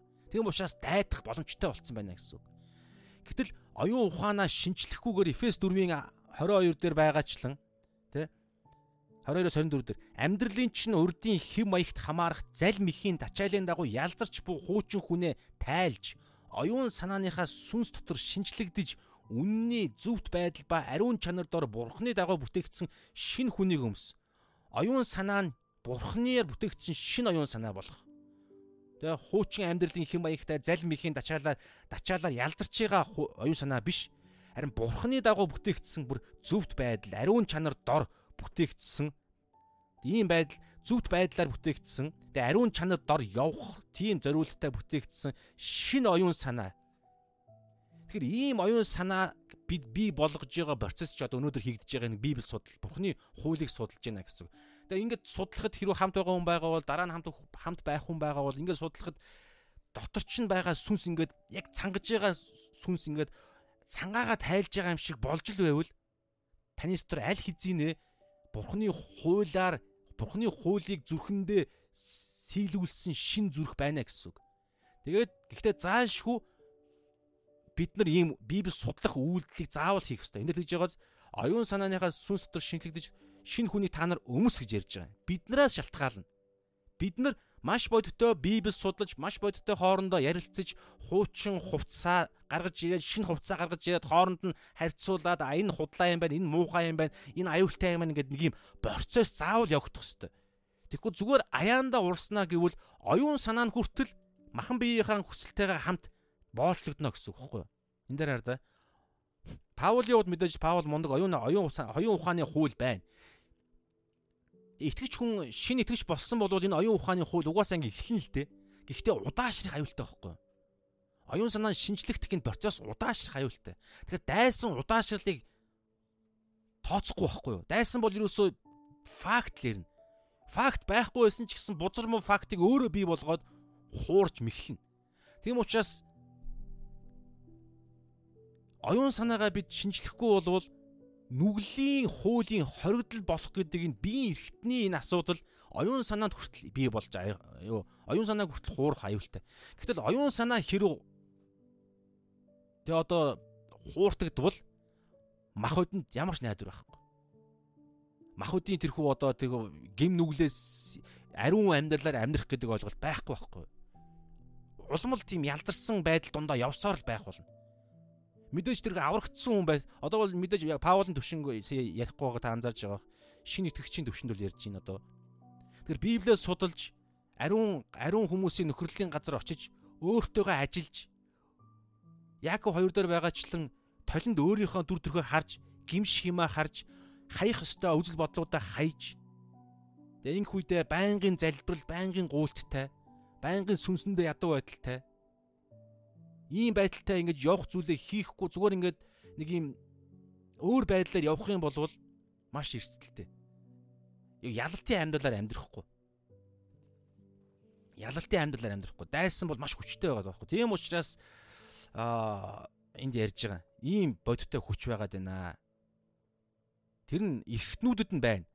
Харин бид бол оюун санаагаа эндээс салгах боломжтой. Оюун санаа салахын хэрээр эртнүүд маань ч гэсэн өдрөөс өдөрт энэхүү ким нүглийн тэрхүү хүслүүдээ үхүүлсээр байх боломжтой.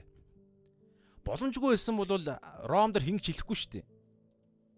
Ийм дахтуунаараа бурхны өрөв сэтгэлээр та нараас хичээнгүйлэн хүсье. Өөрсдийн биеийг бурхан тааламжтай амьд ариун дахил болгож өрг Тэгэхээр биеийнхээ эрхтүүдийг өхүүлэх боломж байгаа байхгүй юу? Одоо янз бүрийн гим үйлдэхийг хүсээд байгаа, уурл уурлаад байгаа, ингээд үзэн ядаад байгаа, дандаа санаа зовоод байгаа, дандаа муухай юм бодоод байгаа, тэр нэг амар имийг байхгүй болох боломж байгаа байхгүй юу? Байхгүйсэн бол ингэж хэлэхгүй. Тэ? Боломж байгаа. Гэтэ ингэхийн тулд энэ дараагийн ишил энэ үеийн явдалд нийцэлгүй харин оюун санааныхаа шин шинтгэлээр өөрчлөгдөж байгаарэ гэж ярьж байгаа. Оюун санаал санаанаас л энэ зүйл бий болж байгаа. Гэхдээ оюун санаа дангаараа биш шүү дээ. Одоо бид нар 8 дээр үзнэ. Ариун сүнстэй нэгдсэн оюун санааг л ярьж байгаа шүү дээ. Ариун сүнс бид оюун санаа шинжлэгдэнэ гэдэг нь ариун сүнстэй улам илүү нэгднэ л гэсэн санаа ярьж байгаа. Тэрнээс би зүгээр Библийн мэдлэг яриаггүй. Нэгдэнэ. Тэгээд тэр оюун санаа нэгдсэн ч гэсэн тэрүүгээрээ явхад бидэнд хүч байхгүй. Тэгэхэд ариун сүнс ариун сүнс дахиад орж ирнэ.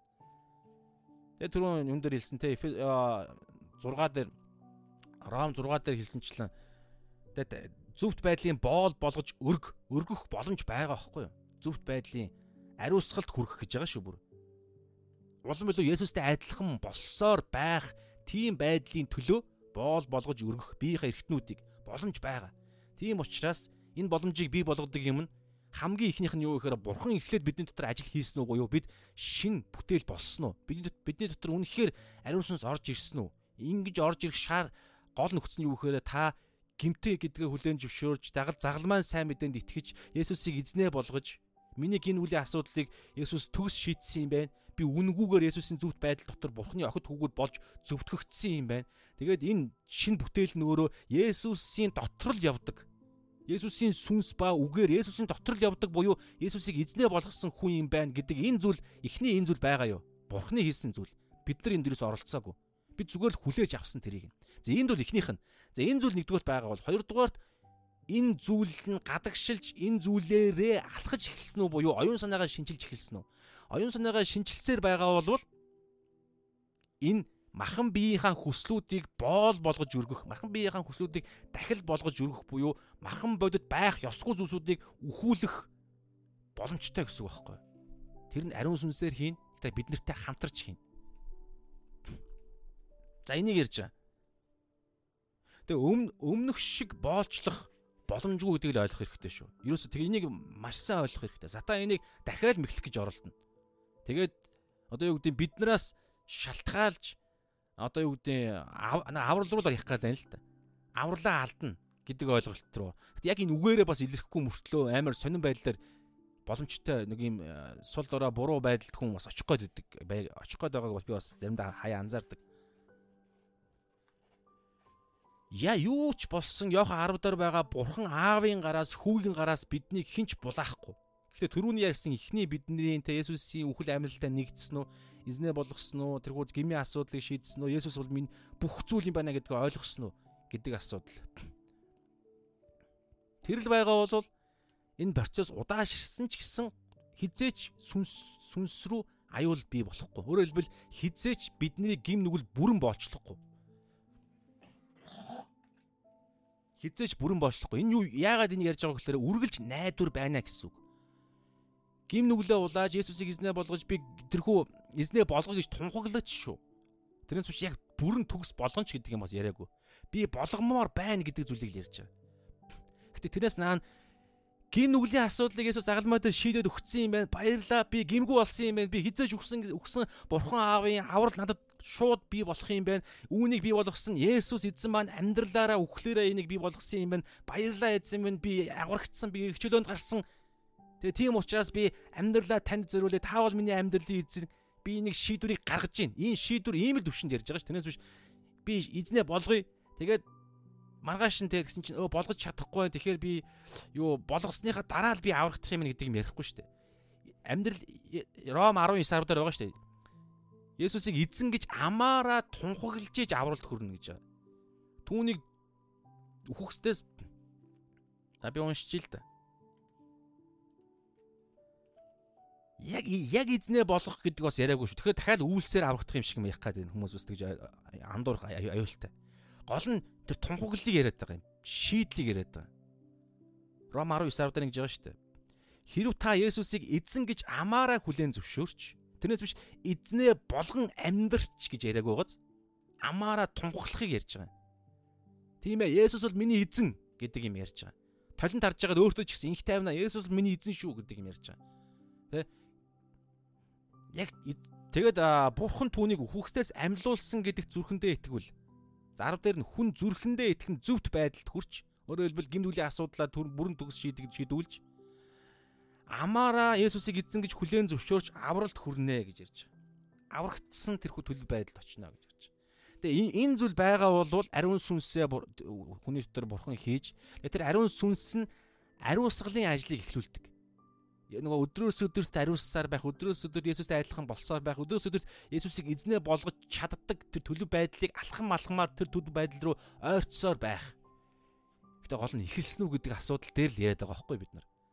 Тэрнээс биш яг чи тэгж чадчихэв үү гэдэг юм яриаггүй. Яг чадчихэв үү? Чадахгүй байгаа мó. Тэгвэл чи аврагдаагүй юм байна гэдэг юм яриаггүй шүү дээ. Би тийм болохоор шийдсэн гэдэг юм ярьж байгаа.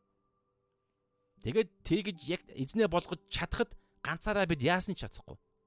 Ариун сүнс нэгдүгээрт орж ирж, хоёрдугаарт ариун сүнстэйгээ хамт бид чадна. Ариун сүнсний хүчээр л чадна. Есүсийг эзнээ болгож. Гэтэ гол нь миний зүгээс тийм ээ би болгомоор байна гэдгийн шийдлийг л ярьж байгаа. Тунгаглалыг. За тэгээ тэрийг үл ярьж байгаа шүү. Тийм учраас гэхдээ эрхтнүүдэд минь бол хүчтэй байгаа. Харин биднэрт бол боломж байгаа учраас шийдэрэл гэж ярьж байгаа. Тэ? А дороо бие бурханд өргөх, бас бие дороо бие дахил болгож өргөх За энэ бол ингээд хоёр дахь санаа нь байна. Тэр нь бол юу вэ гэхээр тодруулах те ихэнд ярьсан нөгөө нэг хоёр хуулийг 21 дээр хоёр хууль байна. Би сайныг үлдэхийг хүсэж байна. Дотор минь муу юм байна. Энийг одоо сая 20 22 дээр нь ихнийхийг нь ярьцсан. Тэр нь юу гэхээр дотор сайныг үлдэх хүсэж байгаа хүн маань яагаад хүсэж байгаа гэхээр дотор маань бурхны хууль орж ирж ариун сүнсээр миний зүрхэнд шигдчихсэн. Тийм учраас би Бурхны хуулинд бүр дотроосоо зүрхнээсээ бүр цөмөөсөө сүнсээрээ би Бурхны хуулийг баярлж энэ хуулиар би амьдрахаар шийдэж өдөр болгон бас тодорхой хэмжээнд амьдран явж энэ хуулиас бүх юмаа хамааруулж миний бүх юм бол Бурхны үг. Бурхан гэдэг энэ байр суурь байна. Гэтэл нөгөө талд 23 дээр доторх хүн биш харин гаднах энэ биеийн эргэтнүүдэд нь өөр нэг хууль байна. Тэр нь болохоор намайг бүр ингээ те гим үйлдүүлэхийг гим үйлдүүлэх тэр одоо ажиллагаа нь аль хэзээний ажиллагаанд орчихсон байн ажиллагаа нь ингээ хэрэгжиж явдаг хууль. Өөрөөр хэлбэл бидний нүд бүх эрхтнүүд өөрөө анх аль хэзээ бүр анханаас төрхөөсөө ахуулаад ингээ аль хэзээ ийм хууль энэ ажиллагаан дотор төрсэн байгаа даа байхгүй юу. Тэгээ энэ эрхтнүүд ихэр та ингээл халь бодолтой нүд түрүүн яац цус дурдсан те бузар имийг те эсвэл юу гэдэг нэг юм завхаа садар самуун зүйлсийг харахаараа ээ ингээл бүгдийн бус хорчдог тийм нүд мөн үү? Биш шүү дээ. Эсвэл те одоо юу гэдэг нэг юм амар аимшиг кино ч юм уу эсвэл юу гэдэг нэг муухай маш аимшигтай муухай юм харахаараа ингээд өө шууд бүн ажиллагаагаа болчдөг. Эсвэл тэр харсан чинь нүднээ супермен шиг гал гарангуутлаа тэр бузар ямиг байхгүй болгоол. Тийм биш шүү дээ. Бузар ямиг хардаг. Бүр хар харахтаа заримдаа дуртай хардаг. Бүр харахыг хүсдэг. Харахын тулд очдог. Харахын тулд нээдэг. Харахын тулд ингээ ажил амьдралаа зориулдаг. Тийм нүд шүү дээ. Ирэхт итгэж хүмүүс яриад нь шүү дээ. Ийм нүд хിവэр байгаа. Энийг бид хүлэн зөвшөөрж имчилгээний ажил эхлэх гээд байгаа байхгүй юу?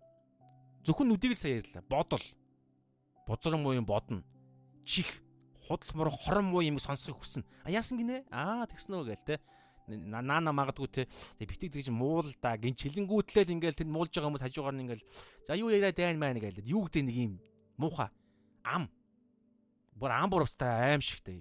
Яков дээр бас байгаа. Хил бол галтай адилхан гэдэг аим насан туршдаа бид хилтэйгээ үз тарна шүү. Би өөр заримдаа ингээс яадаг бүр гэхдээ яг ингээд улам тэрийг мэдэрч эхэлдэг л дээ хилийн амьдал амьдрахаар хошигнол би заримдаа бүр амар мангар хошигндог. Юу гэдэг юм жоохон жоохон юу гэдэг хатуу маягаар заримдаа хошигнчдаг. Тэгээ тэрийг сүлүүд улам мэдрээд байгаа. Тэгээ амар муухай завхаа шалиг малиг садар саман биш л дээ. Гэхдээ зүгээр ингээд заримдаа ингээд амар сонио хошигнчдаг. Тэгээд тэрийг дараагаар нь гарч явахдаа би ингээд яг гимшдэг бүр. Хэд хоногийн өмнө яг тэр болсон бүр. Ямар тэнэг юм бэ? Тэгээ бурхан бүр ингэ хэлж байгаа байхгүй. Чи одоо маш боломжтой байх хэрэгтэй. Одоо наад ам чин чиний ам байгаа болсон. Тэгээ одоо нэг амнаас те хараал гардаг, эрүүл гардаг гэдэг шиг бурханы үг гарч ийн. Гэхдээ чи ингээд зарим үедээ сэрэмжээ алдаад зүгээр ингээд зүгээр ярьчих юм. Одоо болоорой боломжтой байгаарай гэж ярьж байгаа.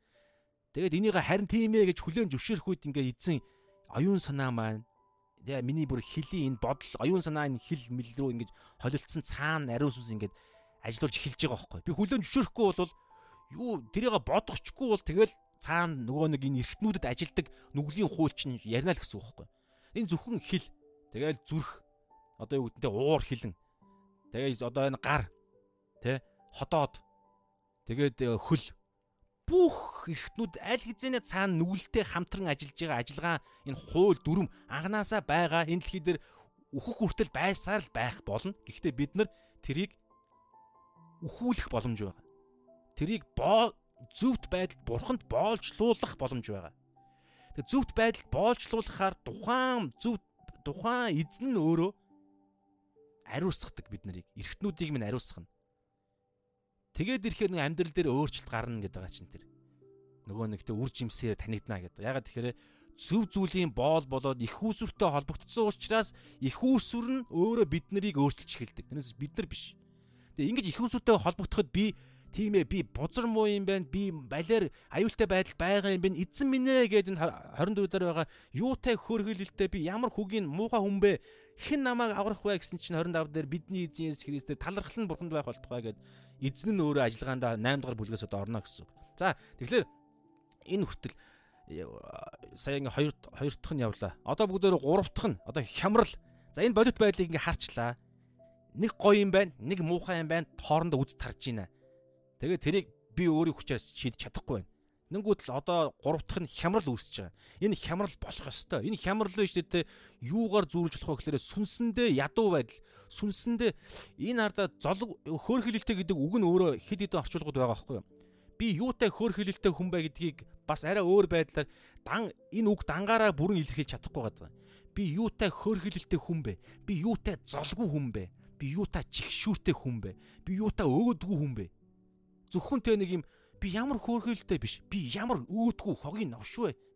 Ийм төвшөнд гарч ирж байгаа. Тэрийг харах гэдэг байдал. Тэгээд энэ одоо цаг дээр байгаа шүү. Мундаг пастор, мундаг теологч, мундаг бурхны ам болсон хүн өөрийгөө аврагдсанаас хойш 20 22 жилийн дараа Паул энийг хэлж байгаа. Би юутай хөөрхилэлтэй хүн бэ гэд Ром намайг бичээ сууж байгаа байхгүй юу? Тэгээд нэг ойролцоогоор 10 жилийн дараа Ромд үхэн. 20 хэдэн жилийн өмнө итгэсэн Дамаск руу явж байхдаа дахин төрсөн. Тэгэхээр бид нар ингэж хэлэх нь гарцаагүй ингэж хэлэх ёстой. Биднэрт биднийг ингэж хэлүүлэхийн тулд Паулыг ариун сүнс хөдлүүлж Библиэлд бичигдэжээ. Ром гэдэг номны 7 дугаар бүлгийн 24 дугаар ишлэлдэр энэ үг бичигдсэн байгаа. Би юутай хөрхилэлтэй хүн бэ гэдэг хүн чинь чи шүдэ тол тол би чамд харуулъя өөрийгөө харж гин үү? Хөрхилэлтэй гэдгийг харсан уу? Гингүүт энийг бид нар уншин гутлаа. Харин тийм ээ би яг ийм хөрхилэлтэй байна. Хөрхилэлтэй би өстой золгүй амтан байна. Би жигшүүртэй өөдгүү өстой муухай хүн байна. Гэдгээл харж чадах хэрэгтэй байдаг ингэж чадвал дайсан ялагдах гад байна.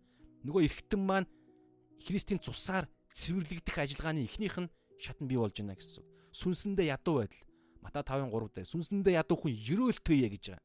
Сүнсэндээ ядуу буюу сүнс маань ямар хөгийн балиар новшийн хөөхөлөлтөй те өөдгүү жигшүүртэй золгүй сүнсвэ гэдгээ олж харсан хүн ерөөлтөе гэж байгаа байхгүй Мата 5:3 дээр. Тэнгэрийн хаанчлал эднэрт өгөгдөнө гэж ярьж байгаа.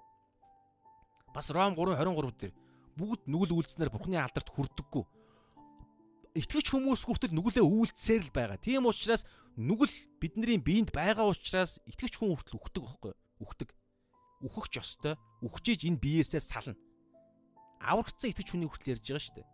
Энэ би өөрөө угаасаа нүглийн ажиллагаан дотор явдаг ийм бие байгаад байгаа. Харин түрүүн ялгаан давтан давтан хэлж байгаа нь энэ биеийг өхүүлж энэ биеийн эрхтнүүдийн тэр хүслүүдийг нь зөв зүйлийг зүйл зориулж бид бие албаар доторх хүсэл нь хууль нь адилжийг тэр тэр хууль нь угаасаа биднээс үл шалтгаалж тэр бузар муу адилж байгаа.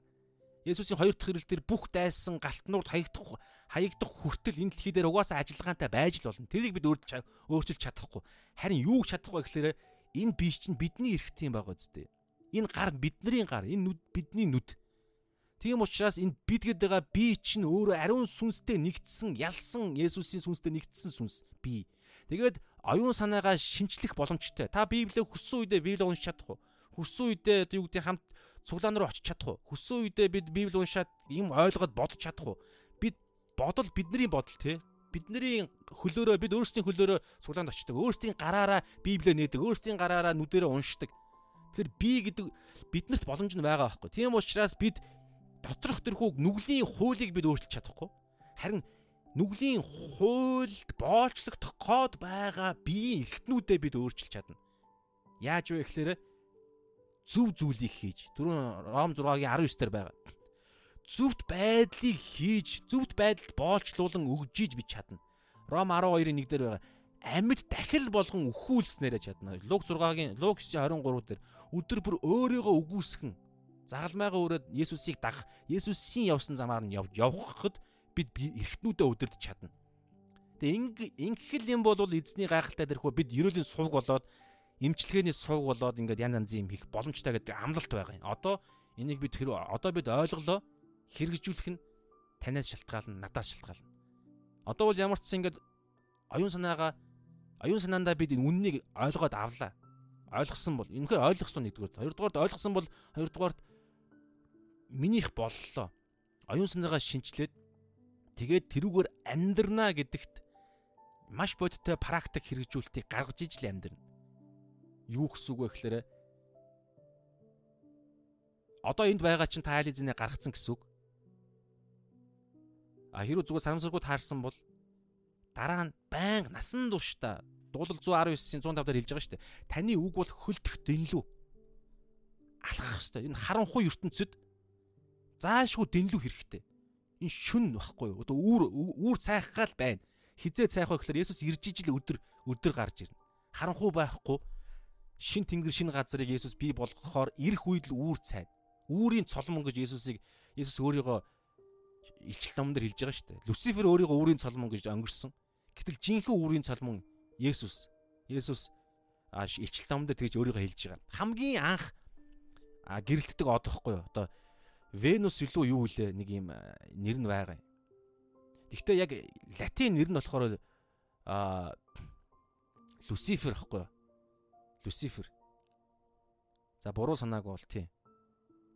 Үүрийн цолом гэдэг үг, Люцифер гэдэг үг нь. Та бас шалгаарай. За тэгэхээр тэрийг ярьж байгаа. Тийм учраас бид нар тэгж эрхтнүүдээ яах боломжтой. За. Тэгэхээр хямрал. Тийм учраас одоо хямрал нь ингэж юм Би юутай хөөрхийлэлтэй хүн бэ? Би юутай золгүй, жигшүүртэй, өөдгүү хүн бэ? Хөөрхийлэлтэй хүн бэ? Тэгээ энэ энэ үг нь энэ хөөрхийлэлтэй гэдэг үг нь эхлэл дээр ерөнхийдөө бол асуудал зовлон зовлон үүрч явдаг хүнийг явах байдлыг хэлдэг юм байна. энэ грек үгнийх нь яг утга нь тайлбар нь энэ үгний тайлбар нь асуудал асуудал зовлонг нуруунд дээрээ тээгээд тэгээд ингээд яваал байгаа тийм байдлыг ярьдаг. Тэгэхээр итгэгч хүн ийм байдал байгаад байгаа байхгүй. Тэгээ ийм байдал байхгүй байх ч аргагүй. Гэтэ түрүү хэлсэн шүү дээ. Би эргэтэнгийн төвшөнд ярьж байгаа шүү дээ. Оюун санаа сүнсний төвшөнд бол аль хэзээ бид тэгээ найдвар эргчлөө тэр эргчлөө тэр сайн сайхан байдал байгаа. Тийшээ улам илүү тэр нь тодорхой боломжтой болно. Гэхдээ би эргэтний төвшөнд ийм золгүй байдалд насан туршдаа байх байхгүй. Гэхдээ золгүй тэг одоо энэ хөө байдал байна. Гэхдээ эндээс гарах боломж байгаа гэдгийг л ярих гэдэг. Гэхдээ гарсан ч гэсэн дандаа энэ төлөв байдалтай байна. Та хэлгээд байгаа санаа та ойлгож байна уу? Энэ хардаа энэ Паул энэ Ром 7-гийн энэ хүү аа дуусгаж байгаа өгүүлбэрээр энэ илэрдэг, илэрдэг гинэ. Одоо та хардаа би юутай хөөрхөлөлдөг хүн бэ? Хэн намайг үхлийн энэ биеэс ангижруулах вэ? Асуулт тавьж гин. Хариулт нь 25 дээр эхэлж гин. Бидний эзэн Есүс Христээр талархалтанд бурханд байх болтгой хариулт нь байгаад байгаа юм. Бурхан чаднаа. Есүсээр Есүс чаднаа. Есүсээр дамжуулан бурхан чаднаа гэд. Тэг ингээл дуусчихмаар байгаа. Уг нь. Гэтэл хартаа ингээд дуусахгүй байгаа байхгүй юу? Паул дахиад дүгнчихэж байгаа. Дахиад доош нь буулгачихж байгаа байхгүй юу? Тийм ээ. Ирээдүйд ийм сайн сайхан байна. Гэхдээ дандаа энэ бодит байдал байшүүгээ дахиад доош нь буулгаад бодит байдал дээр буугаад ирж байгаа. Тэрний юу гэхээр иймд нэг талаар би оюун ухаанаараа бурхны хууль үйлчилдэг бол нөгөө талаар би мах өдөрөө нүглийн хуульд үйлчилдэг Бурхан энийг хийн. Гэхдээ энэ байдал дандаа л байна. Хизээ энэ зогсох вэ гэхлээр Есүсийн ирэлтээр бид 8 дээр ирэхэд бол төгсгөл рүүгээ үзнэ. Алдаршуулгах үед л бид энийг энэ байдал бүрэн зогсно. Энэ дэлхий дээр байгаа бол тийм учраас хэрэгжүүлэлт үргэлж сэрэмжтэй байх хэрэгтэй байгаа. Итгэвч болсон тэгэл болоо. Гэвэл итгэгч гэдэг хүн өөрөө итгэсэн Итгэгч гэдэг хүн чинь өөрөө юунд итгэсэн юм гэхээр Библийн үгэнд баггүй үнэнд. Гэтэл Библийн үг үнэн нь өөрөө юу гэж ярьж байгааг ингэж яриад байгаа байхгүй. Гэтэл хүмүүс итгэгч би итгэгч хүн гэж хэлдэг мөртлөө Библиээ ч уншдаггүй, Библийн хэлж байгаа зүйлийг ч мэддэггүй, мэдсэн ч гэсэн зарим нь санал нийлдэггүй. Ягаад тэгэхээр таалагдахгүй байгаа учраас өөрөөр хэлбэл хуучин оюун санаа нь хуучин хувцс нь хിവэрэл байгаад байгаа. Тэгэд өөрийн би би гэдэг үзэл байдаг. Итгэгч хүн гэхээр би өвдөх ёсгүй, би баян амьдрах ёстой, Тэ ялсан хүн, ялсан бурхантайгаа нэгдсэн юм чи яагаад ядуу байх хэвээр юм? Баян байх хэвээр. Тэгээд өөрөөр хэлбэл шинэ бурхныг бий болгоцсон. Итгэгч нар дотор хүртэл байдаг байхгүй юу? Авралын prosperity gospel гэдэг тийм гаж бас санаа байгаа. За тэгэхээр ингээ хөргөлдөх хүн бэ гэж байна. Тэгээд энэ дэр ингэж. Хин хин намайг үхлийн энэ биеэс ангижруулах вэ?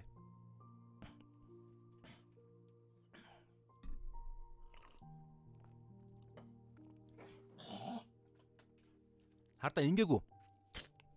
Би яаж энэ биеэсээ ангичрах вэ гэж хэлээгүү.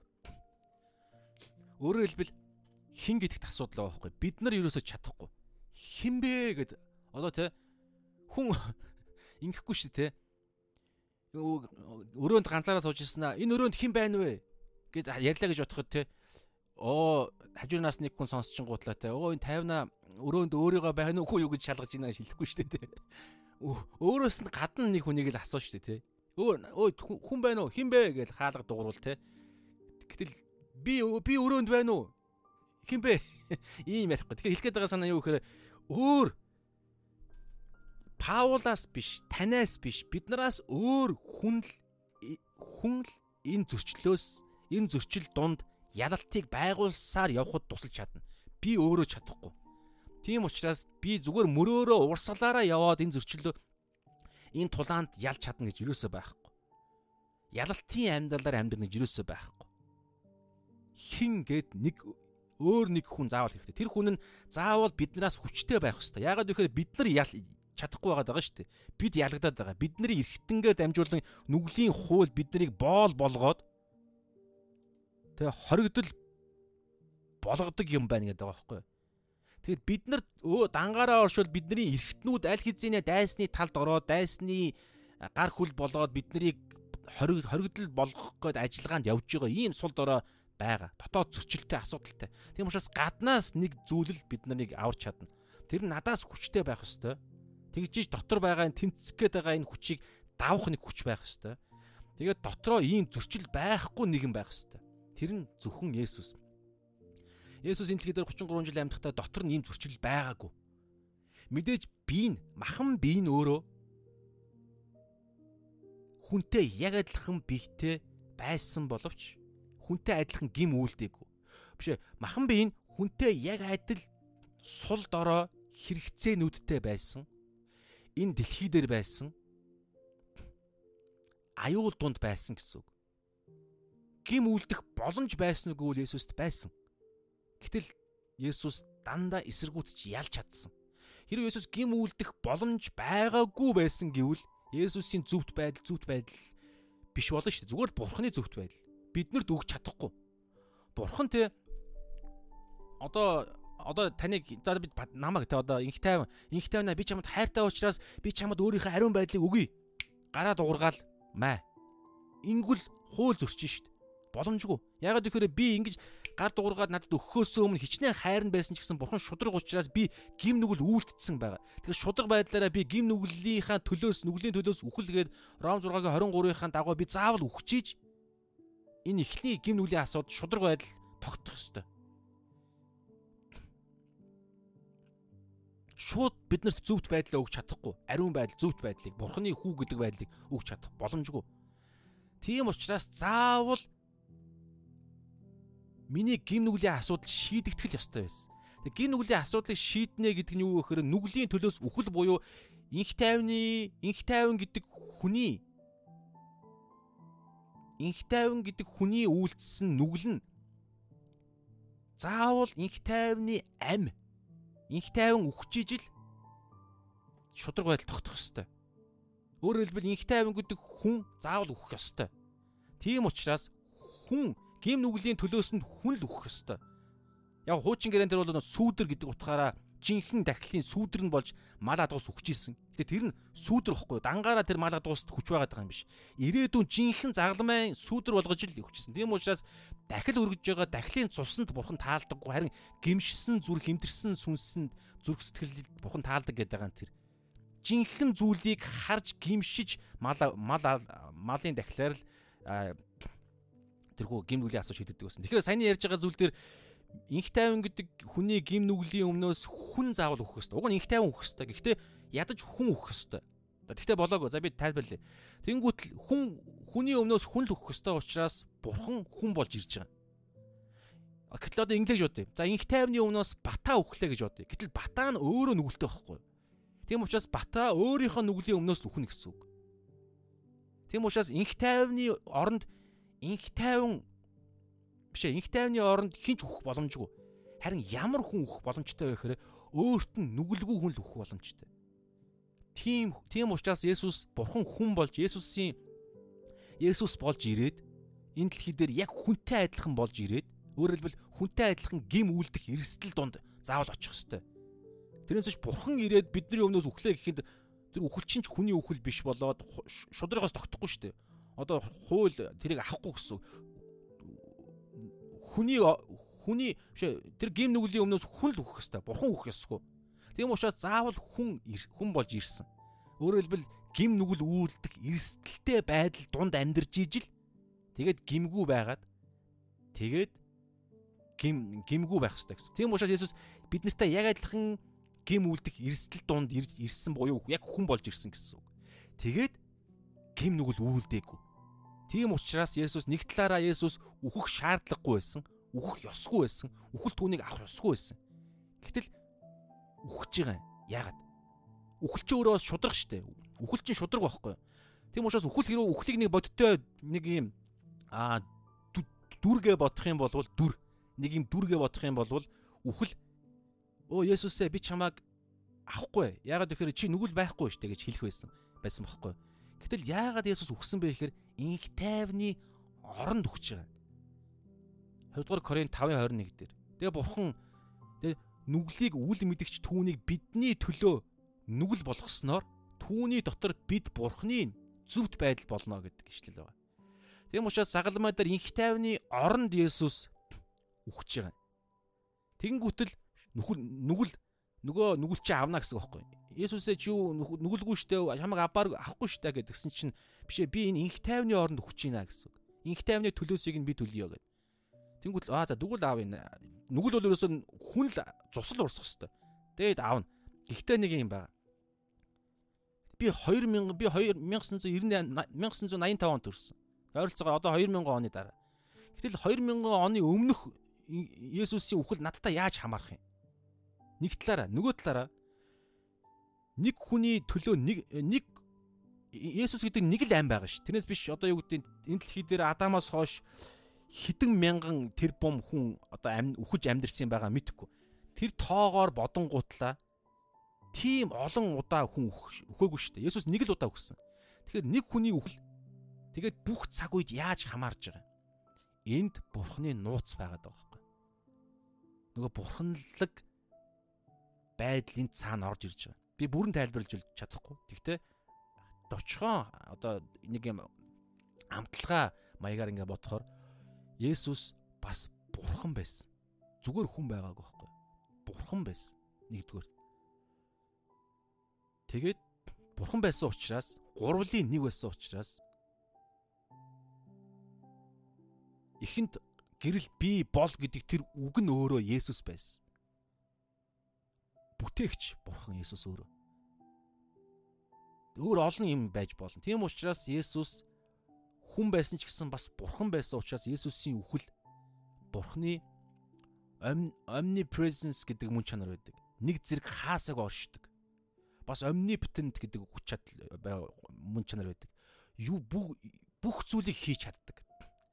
Бас omniscience гэдэг мөн чанар байна. Гурван omni гэдэг. Бүгдийг мэддэг. Тэгэхээр ариун сүнсийг илгээснээр ариун сүнс чинь өөрөө нэг зэрэг хаасаг оршиж байгаа. Мөн хүү бурхан загалмай дээр үхснээр нэг үхэл хаасаагүй хідэн мянган хүний үхэл хідэн тэрбум хүний үхэлтэй тэнцвүүц болох боломжтой. Гэдэг байдлаар жохоохон тэндээс цөмөөрөө жоохоо нэг юм мэдрий. Ямар ч үсэн хэлэх гээд байгаа санаа юу хийж байгаа ярьж байгаа тийш орчвоо. Хэлэх гээд байгаа санаа аа тий. Есүс ихгүй юу? Есүсээс өөр хэн ч чадахгүй. Үүс 4:12 дээр байгаа. Аврагдаж болох нэр өөр хэний ч дотор аврал үгүй. Учир нь аврагдаж болох өөр нэр Тэнгэрийн дор хүмүүнд ис өгөгдөв зөвхөн Есүс. Тэгээд Есүс дээшээ яваад өөр ариун сүнсээ илгээж би явах нь та нарт ашигтай. Би явахгүй туслаж ирэхгүй. Тэгээд яваад эцгийн баруун готлоос би та нарт өөрийнхөө сүнсийг илгээнэ гэж байгаа. Есүсийг ариун сүнсийг илгээсэн. За тэгэхээр ариун сүнсээ л боломжтой. За энэ дээр нэг юм үг байгаа. Одоо ялзуулъя. Хин намайг үхлийн энэ биеэс ангижруулах вэ? Хин намайг үхлийн энэ биеэс ангижруулах вэ? Үхлийн бие гэдэг ойлголт байна, тэ? Тэгэхээр хүн бүх Эхлэл 7 эхлэл 2:17 дээр ингэж байгаа. Харин сайн мөг мэдүүлэгч модны жимсэнс идэж болохгүй. Түүнээс идсэн тэр өдөртөө чи зайлшгүй үхнэ гэж хэлсэн. Идсэн. Тэр өдөртөө үхэл нь эхэлсэн. Яагмар шудар бос байж штэ гэд хин нэгэн ярьлаа гэж бод. Тэр хин нэгэн чинь өөрөө хүн штэ. Тэгэхээр ямар ч хүн ингэж хэлэхгүй. Ямар гоё юм бэ? Шууд өхүүлээгүй юм уу? Бас боломж өгсөн юм уу гэж ярина штэ. Сатан л тэгж магадгүй. Яагаад өхөл өхөхгүй байгаа юм аа ингэ. Тэгээ зайлшгүй үхэн үхснүү гэхээр үхэл нь эхэлсэн сүн сэтгэл биеийн төвшин. Тэгээ би одоо энэ би ярьж байгаа учраас үхлийн би ярьж байгаа учраас дуулал 90 10 дээр ингэж байгаа. Амьдралын маань өдөр хоногуд 70 жил юм аа. Манай эртний ойролцоож Давид их хөлөө хиних хөлөө. Бурхны хүү Мосегийн залбирал гинэ. А нөгөө хамгийн ихэнд бичсэн залбирал шүү дээ. Тэгэхээр чинь ойролцоогоор 1000 манай эртний өмнөх 1000 400 орчим жилийн үеийн залбирал юм байна л да. Мосе тэр үед амьдарч ирсэн гэр чинь. Тэгэхээр одоогоос ч ойролцоо 3000 гаруй жилийн өмнөх. Тэгэхээр 3000 гаруй жилийн өмнөх одоо хүний дундаж наслтыг бараг ярьж байна л гэсэн үг байна. Тэгэхээр амьдралын маань өдөр хоногуд 70 жил юм аа. Одоо одоогийнхтой ер нь ойролцоо гэсэн үг шүү дээ. Мэдээд наанта цаантай. 70 жил юм аа. Хүч чадалтай байх аваас 80 жил боловч тэдгэрийн нь зүдгүүр ууй гашууд өнгөрдөг. Учир нь энэ нь өнгөрч бид нисэн оддог. Тэгэхээр хүн тэр үхлийн бие гэхээр гим нүгэл үйлснээс хойш хүний бие зайлшгүй үхдэг болж байгаа юм. Итгэвч тэгвэл ингэж асууж байна. Итгэвч хүмүүс яагаад их үхгээд байгаа үхсгүй үстэй юм зү тэгээд. Тэгэхээр энэ би нь өөрөө түрүү хэлсэн эргэтнүүдэд нь үхэл одоо ч гэсэн ажилласаар байгаа байхгүй юу? Ажилласаар байгаа. Бүх хүний дотор, итгэвч хүний дотор хүртэл тэрийг сая бид нар үзээд байгаа шүү дээ. Ягаад тэгэхээр аврал ариун болсон, ариун хүн, аврал аврагдсан хүн гэдэг ойлголтууд ярихаа сүнснийхэн төвшөнд л ярьж байгаа. Махан биеийн төвшөнд яриаг байгаа. Тэр нь болоогүй. Тэгэхээр тэр нь болно. Авралын гурван төлөв гэж байдаг шүү. Өнгөрсөнд өнгөрсөн дэх аврал одоо үргэлжилж байгаа аврал ирээдүйн аврал. За тэгэнгүүтлээ өнгөрсөн юунд вэ гэхээр хүний сүнсэнд хийгдсэн бурхны 100% бурхан хийдэг аврал. Энэ нь зөвтгөл гэдэг үг байгаа. Зөвтгөгдсөн. Гим нүглийн төлөөсийг төлж гим нүглийн гим нүглийн ял шийтгэлийн асуудлыг шийдэж өгсөн. Хоёр дахь нь одоо үргэлжилсээр байгаа насан туршдаа үргэлжилсээр байх аврал гэж ярьж байгаа. Энэ нь ариусгал гэдэг үгээр илэрдэг. Бас аврагдсаар байгаа гэдэг библийн үгд ч байгаа. Тэгээ энэ болохоор одоо цаг дээр хүний оюун санаа, сэтгэл санаа, бодол, оюун санааны төвшөнд энэ нь шинжлэх шинжлэгдсээр байх гэдэг ойлголтоор ярьж байгаа. Эсвэл сэтгэлийн аврал гэж бас Петр дээр байгаа. Тэгээ энэ Есүстэй адилхан болох гэдэг ойлголт, ариусгагдах гэдэг ойлголт. Насан туршдаа энэ хийгдэнэ. Тэгээ энэ энэ хийгдэх энэ дунд чинь жинхэнэ одоо энэ зөрчил дотоод зөрчил чинь энд энэ энэний илрэл واخхой. Гурав дахь нь буюу одоо энэ үхлийн биетэй хамааралтай ярих гэдэг. Гурав дахь нь юу вэ гэхээр бид үхэн цаг нь болохоор энэ 70 жил 80 жил ч юм уу цаг нь болохоор ингээд энэ бүхлийн биеийг энэ ялзарсан энэ биеийг орхино гэсэн үг. Хувцаа тайлна. Энэ майхангаа орхино. Тэгээд Есүс илчлэлт 20 20 дээр байгаачлан 20 хавцаа байгаачлан Есүс шүүхээр бүх зүйлийг дуусгахаар ирэх үедээ Түрүү Филиппо 3-ын 20 21 дээр бай хэлсэнчлэн өөртөөгөө яг адилхан биеийг биднэрт өгнө. Биднийг өхлөөс амьлуулж. Тэгэхээр тэр бие нөрөө гим нүгэл үүлддэггүй, өвддөггүй, цангадаггүй. Одоо бид нар дээр байгаа тэгээ хөлөрдөггүй. Тэгээ одоо батг гардаггүй. Эсвэл бол тэ ингээд одоо ядардаггүй, хэр болдоггүй, өлсдөггүй. Одоо юу гэдгийг та таныхаа таны одоо ингээд та бодлоо. Бидний бие махан биеийн муухай зүйлсүүдийг та нэрлэгээд их юм бол танд нэрлэх зүйлс зөндөө байгаа шүү дээ. Хүн болгонд байгаа. Амархан ядраад байна, толгоо өвдөд байна, шүд өвдөд байна, тэ? Баахан өвчнгүүд байна. Дээр нэмээд таалагдахгүй зүйлсүүд бас байж болно. Эсвэл эсвэл согог моггууд байж болно. Тэ? Тэгээд нарсны янз бүрийн өвчнгүүд, дотоо дотор эрхтний өвчнгүүд, тэ? Янз бүрийн байгаа. Энэ бүх зүйлсүүд чинь энэ үхлийн биеийн хэсгүүд байгаа байхгүй. Энэ бүх зүйлсүүд чинь тэгээ дуусна. Тэгээ одоо түрүүний ярьсан гим нүгэлг ярих юм бол маш бодиттой. Тэгэл амархан илзүү янзын дом мон архин дуртай, тамхин дуртай та тэгэл ингээл янз янзын зүйлсүүд чинь бүгд байхгүй болно. Тэгэхээр энэ итгэвч хүн үхнэ гэдэг ойлголт чинь өөрөө цаг нь болоод амиа хорлох болох юм яриаггүй шүү. Цаг нь болоод ингээд явхад чинь өөрөө Филиппо нэг дээр байгаа нөгөө гоё ойлголт байхгүй. Үхэх нь ололт. Амьдрах нь Христ. Тэгэхээр бид итгэж хүний хувьд үхэн гэдэг бол олж авж байгаа зүйл байхгүй юу? Бүр гоё зүйл. Тэгээ Есүс Паул Петр а Паул гэж байгаа шүү дээ. Би эндээс одож Христтэй хамт байхыг хүсэж байна гэж ярьж байгаа. Би энэ өвддөг энэ муухай энтэй ингээ захтандаг тэг хэр болдог дандаа л усанд орох хөстой дандаа л тэх хөстой үсээ засуулах хөстой мó ёо ингээ нэг ийм зүгээр ингээд энэ би биесээ салаад жинхэнэ гоё Христ Христтэйгээ хамт бурхантайгаа хамт байна гэдэг чинь ололт байгаад байгаа байхгүй. Гэхдээ Паул ярьж байгаа. Гэхдээ Филиппо нэг дээр гэхдээ энд байх нь та нарын төлөө.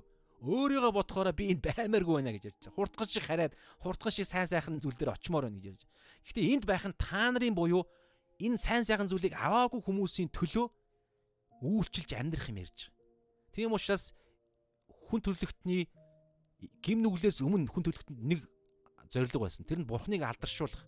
Исая дээр байгаа алдаршуулахын тулд бүтээгдсэн гэж байгаа. Гэтэл гим нүгэл бий болсноос хойш энэ зориг дунд нь дахиад нэг шатлал ороод ирж байгаа байхгүй. Тэр нь авралын төлөө ажиллаж амьдрах.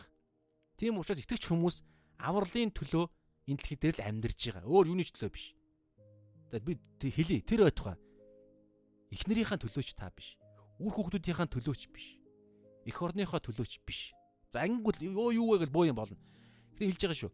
Гол зорилго нь тэдний төлөө биш гол зорилго нь Бурхны алдрын төлөө. Гол зорилго нь гимтэй хүмүүсийн авралын төлөө. За энэ зүйл гол байгаа тохиолдолд байх ёстой зүйл жам ёсны дис дараанда байгаа тохиолдолд нөгөө бурхан нь өөрөө юу гэж хэлдэг гэж нөгөө шин зүрхийг бүтээгээд шин зүрх нь өөрөө юу цохилдог гэж бусдыг хайрл. Бус өөрийг бусдыг өөрөөсөө илүүд үз. Ингээд тэгээд бурхан бусад э, эхлэл 1-26 27 доор байгаа ч энэ газар дэлхийг та нарт захираад халамжлаад сайхан ингээд те тордороо гэдэг нөгөө дэлхийн ертөнц. Байгаль дэлхийгээ халамжлах зүйл чинь жам ёсныгоо бүтээгч бурхнаа бурхнаа болгоод бүтээгч бурхнаа алдаршуулах бүтээгч бурхны хүсэл буюу бусдын авралын төлөө өөрийнхөө төлөө биш. Явхад жам ёсны одоо энэ ээж дараандаа байгаад үед яадаг вэ гэхээр эхнэрийнхаа төлөө үр хүүхдүүдийнхаа төлөө яг зөв байдлаар хайрлаж, халамжилж өөрийгөө зориулж ирдэг. Эх орныхоо төлөө маш зөв байдлаар явж эхэлдэг. Бусдын төлөө зөв байдлаар явж эхэлдэг. Өөрийнхөө төлөө ч гэсэн маш зөв байдлаар явж ирэх боломжтой. Гэтэл энэ байр нь солигдоод би ерөөсөө эх орныхоо төлөө л амьдарч байна. Би эхнэрийнхээ төлөө, би ээжийнхээ төлөө, үр хүүхдийнхээ төлөө л гэд ирвэл яана гэж цаана нь байр нь солигдсон учраас бүтээгч бурхны оронд би эхнэрээ оруулчихж байгаа учраас нөхрөө оруулчихж байгаа учраас тэр нөхрийг чинь ашиглаж сатан хорон муу энэ дэлхийн ертөнцийн захирагч ажиллана гэсэн үг. Харин хамгийн дээд байх ёстой нэгэн миний хамгийн нэг номерт байвал тэр нэг номерын нэг нь чинь өөрөө энэ дэлхийн ертөнцийн захирагчийг загалмайдаар ялцсан нэгэн учраас эхнэрээр минь дамжуулан нөхрөөр минь дамжуул нөхөр нь нөхрөөр чинь дамжуулан үр хүүхдээр чинь дамжуулан эх орноор чинь дамжуулан ээж аваар чинь дамжуулан өөрийнхөө махбын махуудын хүслээр чинь дамжуулан сатан дайрах гэж байгаа тэр сатаныг ялж чадах ариун сүнсээ дотор дотор чинь нөгөөд тэгээд ялж чадна гэсэн үг. Зүв байдлаар үйлчилж хайрлж амьдарч чадна гэсэн үг.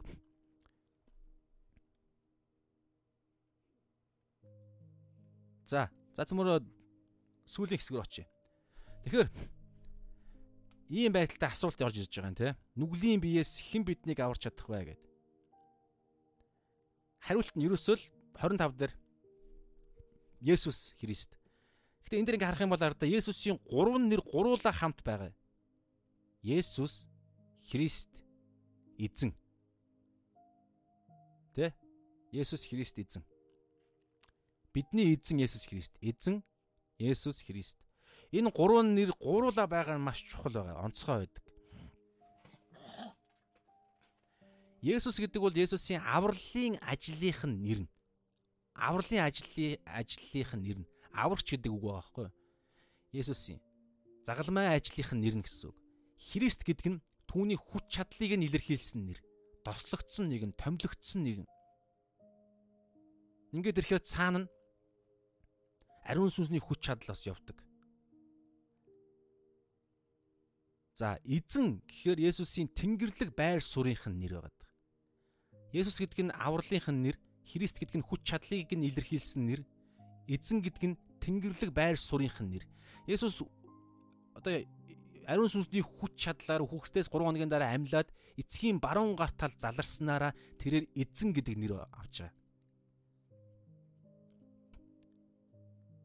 Одоо 2020 22 онд амьдарж байгаа инх тайван би таны эзэн хин бэ?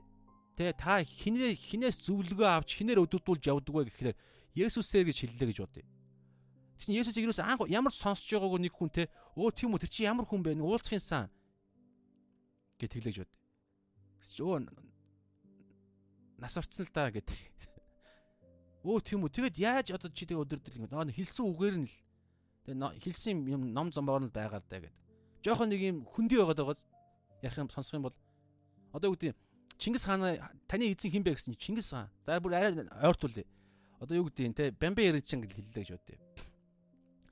Таны таны амьдралын одоо те заавар зүлгээ авдаг одоо ментор чинь ментор чинь хэн бэ гэсэн чинь Бамбе Эрчин. Бамбе Эрчин мэдэхгүй хүн те өө ямар хүн байдаг уулзахын сан би бас бас зүлгээ авъя л да гэсэн чинь өө нас орцсан гэд. Хүүе тэгвэл яаж тэгээ зүлгээ авдیں۔ Өдөр тутмын шин шин өөрчлөгдөж байгаа энэ нөхцөл байдлуудад яаж зөвлөгөө авах юм? Өө би нөгөө бичсэн юмнаас нь ёо уншаа зөвлөгөө авд юм бол да.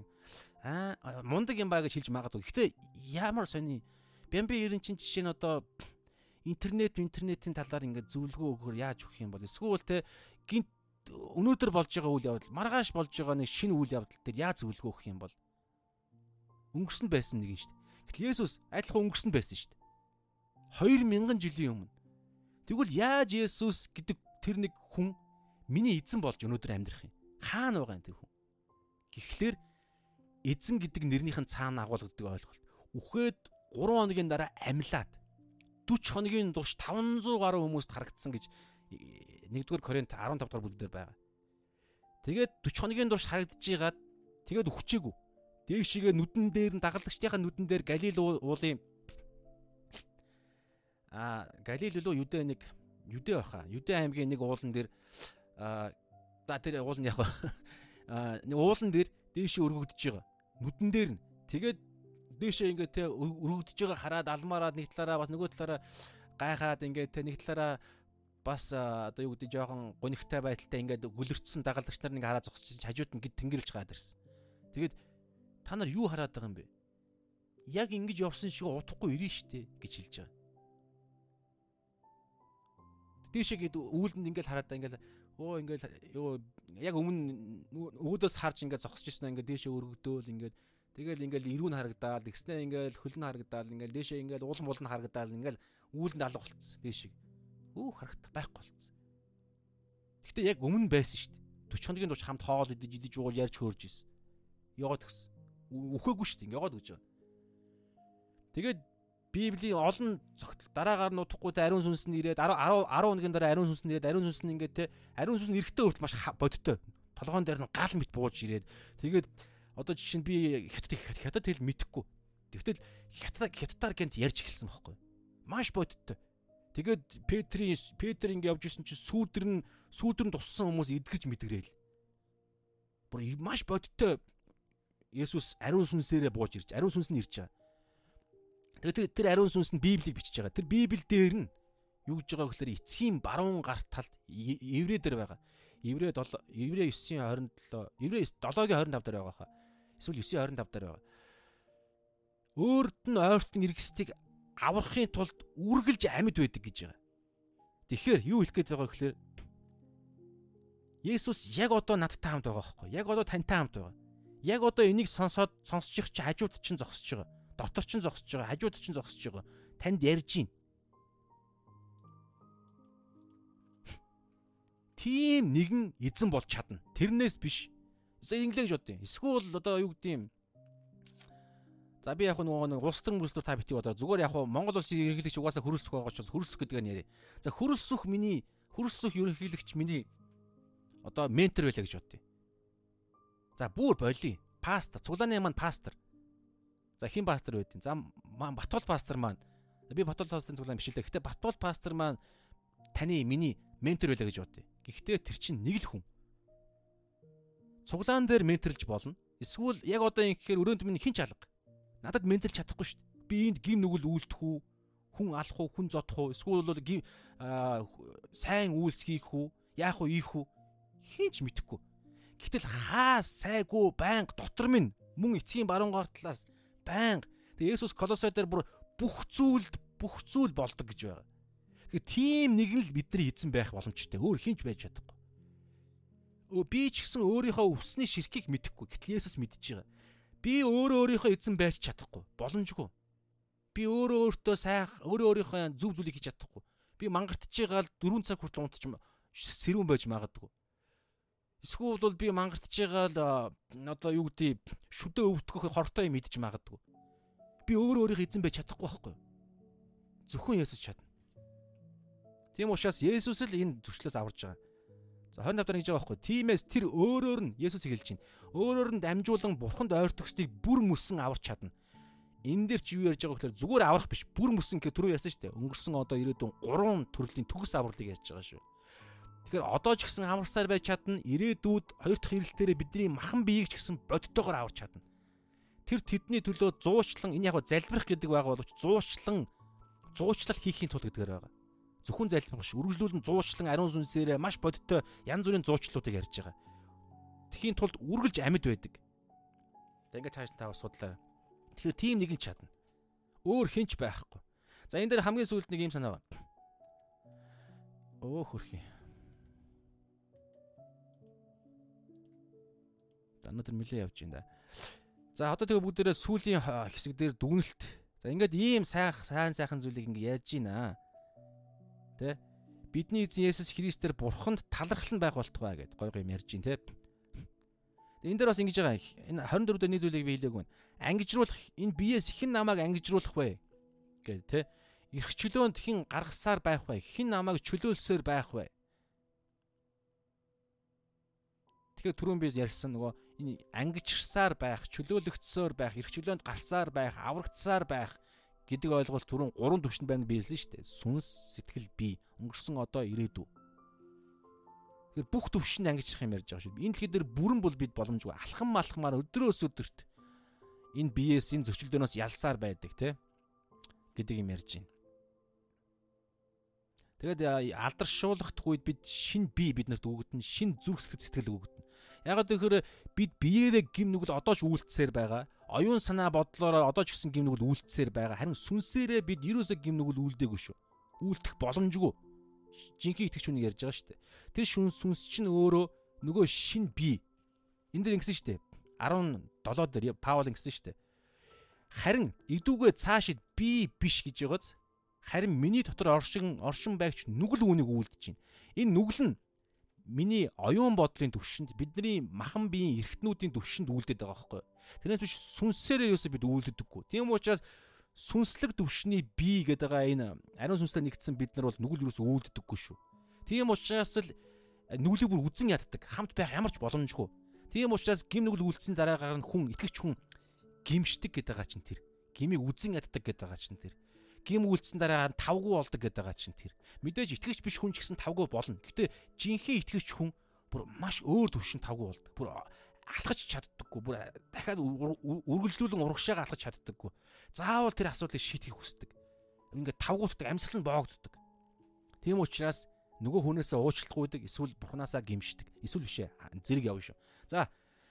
За хамгийн сүүлийнх нь тэгээ өндөрлөө. 25 дээр 25-ын сүүлийн хэсэг иймд ингээд сайхан дээр бурхан л энэ бүгдийг хийж чаднаа гэдээ ингээд дуусгах хэрэгтэй байтал. Паул за болоогүй. Насан туршдаа энэ зүйл үргэлжлэе шүү гэд. Гол зүйл чинь ерөөсөө л энийг л ойлгох. Тэр нь юу гэхээр иймд нэг талаар би оюун ухаанаараа бурханд үйлчил үйлчилж гин нөгөө талаараа би мах бодороо гэж байгааз. Сүнсээрээ гэж хэлээгүй. Оюун ухаанаараа гэж бас хэлээгүй. Яг тэр тэр хүний итгэж хүний оюун ухаан. Мэдээж оюун ухаан ухаанд гим үйлдэх эрсдэл байгаа. Гэхдээ бүр ингээд үйлчлээд амьдраад байх гэдэг ойлголт хүн ямар ч хүн одоо жишээ нь ингээд шид дөнгөж шинэ итгэсэн итгэж хүнээс ч гэсэн за та энэ одоо худлаа ярихыг хүсч худлаа одоо юу гэдэг ингэж номлолоо гэж бодъё цуглаан дээр. За итгэгч нар минь ээ. За өнөөдөр та нар гэртээ хараад а одоо тэгээ юу гэртээ хараад ахийнхаа карманаас нь ахийнхаа төрөвчнөөс хамгийн их хамгийн их Тэгээ одоо их одоо юу мөнгийг тэ одоо тэ юу их их юу гэдэг вүлээ. Хамгийн том дэвсгэртэй мөнгийг нь хулгайлж аваарай. Амен гэж хэллээ гэж бодъё. Энд дэр дээрээс номлол дээрээс. За өнөөдөр бүгд нэг хэрэгжүүлэлт хэрэгжүүлэлт гаргая. Гэртээ очиод ахыхаа гэр бүлийнхаа нэг гишүүний төрөвчнөөс хамгийн том дэвсгэртийг аваад хулгайлаарай. Амен гэж хэлвэл ямар ч хүн амен гэж хэлэхгүй. Тэ? Тэгэхээр хэлгээд байгаа санаа тавилгаж байгаа бол оюун санаагаараа хүн бас нүгэлд үйлчлдэггүй байхгүй. Мэдээж оюун санд эрсдэл байгаа. Гэтэ яг үйлчлэн гэдэг бол байхгүй. Тийм амьдралаар амьдрсаар байхыг өөрөө сонгоно гэж бол байхгүй. Харин эрсдэл байгаа. Сул дорой байлаасаа болоо. Тийм учраас л оюун санаагаараа бид шинжлэхдэггүй бол зал заллуулах гээд байгаа юм. Харин махуд яагаад байгаа гэхээр санаатай байгаад байгаа байхгүй. Санаатаагаар гими имийг хараад байгаа юм. Санаатаагаар би нэг хүнийг одоо муухай үг хэлж байгаа байхгүй юу? Санаатаагаар би нэг газар очиж байгаа юм. Хэрвээ мах бодод дуу хоолой байдаг байсан бол амийн нэг төрүүнийх шиг хэлсэн бол мах бод амийн л гэх байсан гэсэн үг. Төрүүчнээс нь одоо хамгийн том дэвсгэртийг нь аваарай гингүүт махуд амийн гэж хэлнэ. Яагаад вэ гэхээр махуд тэр 20 мянган төгрөгөөр аваад махуд өөрийнхөө хүртээ дуртай зүйлээ авмаар байгаа байхгүй. Тийм учраас махуд махууданд өөр хууль байгаа. Тэгээ энэ үйлчлэх гэдэг үг нь шүү дээ тийм. Эхэл дээрээ дуулууртай боолн болох гэдэг үг байгаа юм бүр. Тэгэхээр махуд ийм маш сонин төвшөнд байдаг байгаа юм. Бидний эргэтнүүд. Тийм учраас л сүнсээр явах гээд 8 дахь бүлэг эхэлнэ. Сүнсээр явахгүй бол махуй дангаараа өөр хийдэг юм аа л хийн. Тэр нь нүгэлд боочлогдох.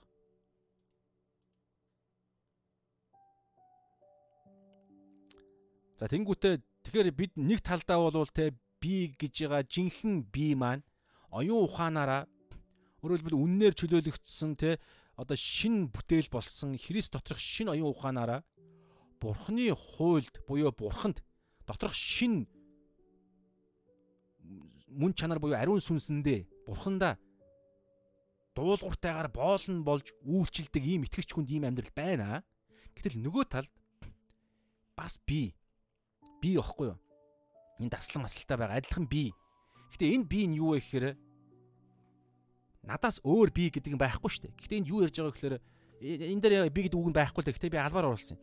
За би уншилт. Ийм нэг талаар би оюун нэг талаар би оюун ухаанаараа бурхны хууль үйлчлэх боловч даслал байгааз нөгөө талаар оо би гэдэг нь байгаа юм байна. Нөгөө талаар би мах өдөрөө нүглийн хууль үйлчлдэг. Тэгэхээр хоёр бие байгаа мó гэхээр үгүй шүү дээ. Нэг л бие байгаа. Гэтэ энд хуйлаа Гэхдээ энд юу ярих гээд байгаа гэхээр ийм байдлууд байгаа даа байхгүй. Мах бодоо удирдах хүн би байхгүй. Түрүүн би ярьцсан. Эрхтнүүдээ би удирдах чадна. Дамаа ариун сүнстэй бурхантай нэгдсэн би бүр боломжтой. Тийм учраас би тэгтэл тийм боломжтой мөртлөө бид нар боломжгүй юм шиг ийм дорой байдал байгаад байх эрсдэл байгаа байхгүй юу? Мах өдөөрөө нүглийн боол нүглийн хууль болж нүгэлд боочлогдох тийм эрсдэл байгаад байгаа. Нүгшээ нүглийн үйлдэлүүд биеийнхээ эргэтнүүдээр нүглийн үйлдэлүүдийг үйлдсээр л байх. Харин бид нар энэ зүйлийг эсэргүүцэх нэг зүйл төрөө ирсэн шүү дээ.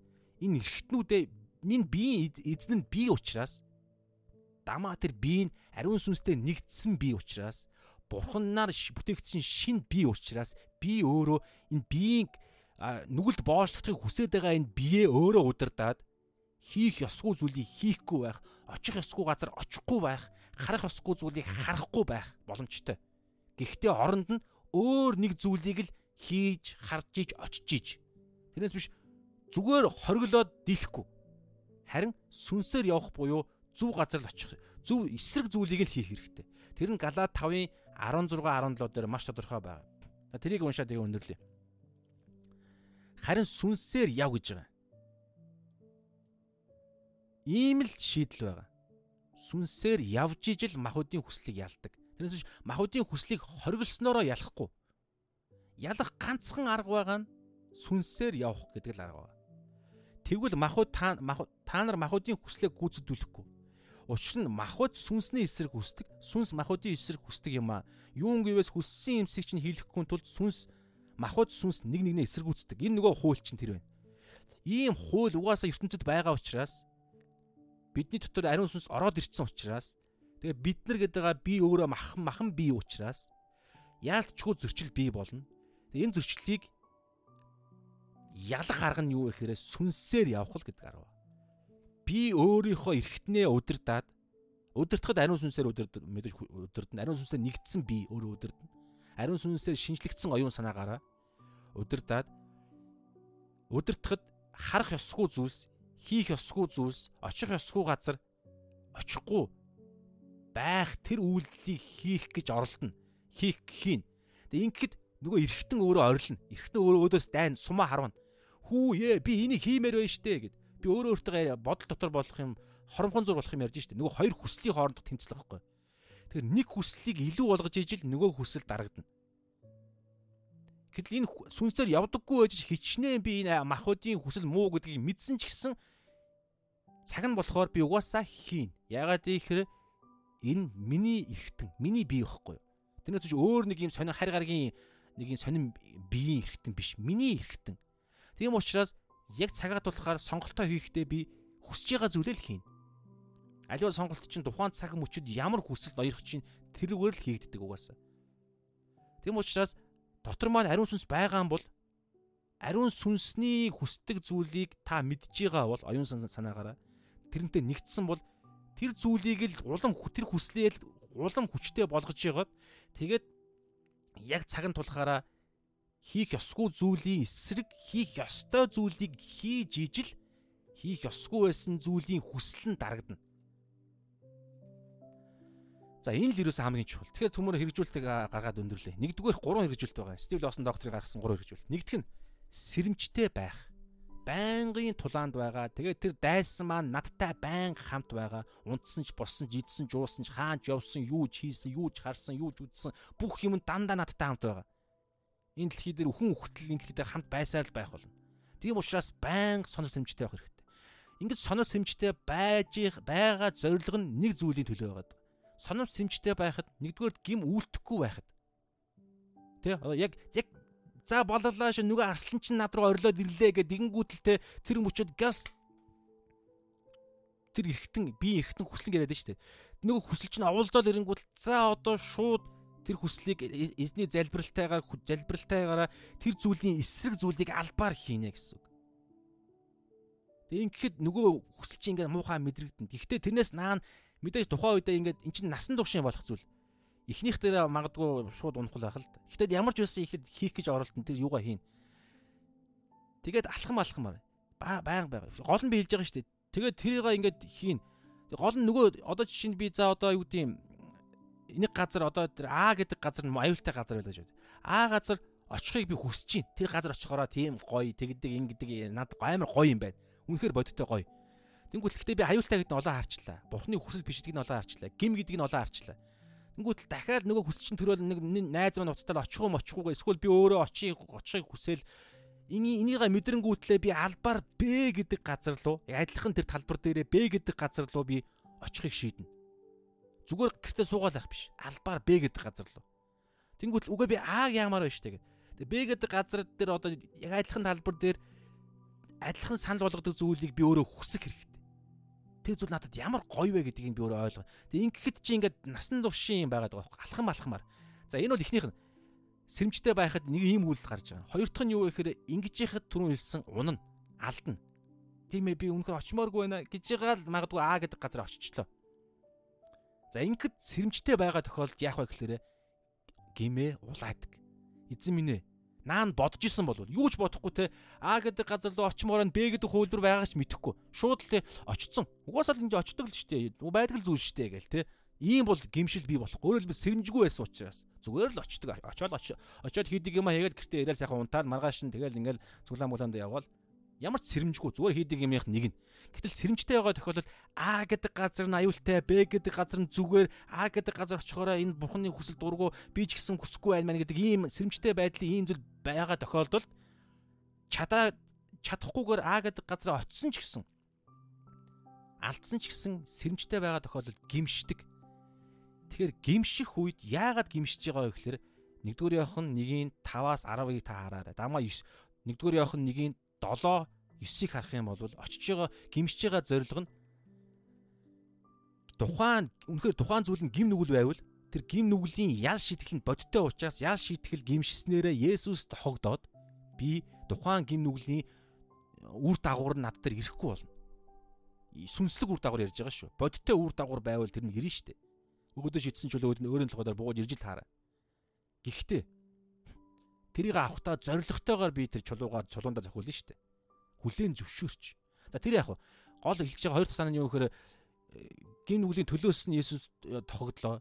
Харин дахиад Аа гэдэг газараа очихыг дахиад хүссэн шүү дээ. Дахиад нөгөө хүсэл чинь эртнүүдэд байгаа хүсэл чинь оволзоол ирнэ. Тэгэнгүүт гимшиж байгаа тохиолдол яаж байгаа вэ гэхээр гимших үед нэгдүгээр явах нэгin 9 дээр байгаа. Итгэмжит зөв тэрээр бидний бүх гим нүглээс уучлж сая ингээ гим нүглийг нь уучлаад төлөөс нь төлчлөө. Даслал тэгээд бүх зөвхт бус байдлаас цэвэрлэнэ гэж байгаа. Нэгдүгээр явах нэгийнхэн долоо дээр нь Христийн цусаар цэвэрлэнэ. Өөрөөр хэлбэл дотор минь байгаа ариун сүнс галан баптизм А гэдэг газар очихгүй байх хүслийг дотроос нь шатааж бий болж эхэлнэ гэсэн үг. Гэхдээ сэрэмжтэй байгаа тохиолдолд, гимшчихсэн тохиолдолд. Тэгээд гимшигтэй чин сэтгэлээсээ гимшин штэ. Тэгээ Б гэдэг зүйлийг хараад эзэн минь ээ үнэхээр би алдлаа. Дараа нь би Б гэдэг газар очимоор. Энэ үнэхээр гоё байна. Яагаад тэгэхээр би А гэдэг газар А гэдэг газар очисон, гим нүгэл үйлдсэн, гэртээ ирсэн. Надад би үнэхээр шаналж байна. Би Б гэдэг газар дараа нь би очимоор байна. Би Аг үзэн ядаж байна. Гэт гимшсэн тохиолдолд дотор нь байгаа ариун сүнс шатааж эхэлнэ. За энэ бол эхнийхэн сэрэмж хэрэгжүүлэлт, гимшил, сэрэмжтэй байдал. Дотоод зөрчил байнга байх учраас нэгдүгüүрт үргэлж сэрэмжтэй байх хэрэгтэй. Дайралт ирнэ угаасаа. Тэр үед хийхгүй байх нэгдүгüүрт хоёрдугаарт хийсэн ч гэсэн дахиж хийхгүй байхын тулд гимших. Хоёрдугаар хэрэгжүүлэх нь юу гэхээр зэвсгэлсэн байдал. Эфес 6 дээр байгаа тийм Бурхны үг ба сүнсээр зэвсгэлсэн байдал донд байнга явах. Үг, үнэн, ариун сүнсээр явах. 8 дээр бид нар ерөнхийдөө үзнэ. 3 дугаарх нь дандаа хамгаалах биш, дайрах хэрэгтэй гэж ярьж байна. Дайрах.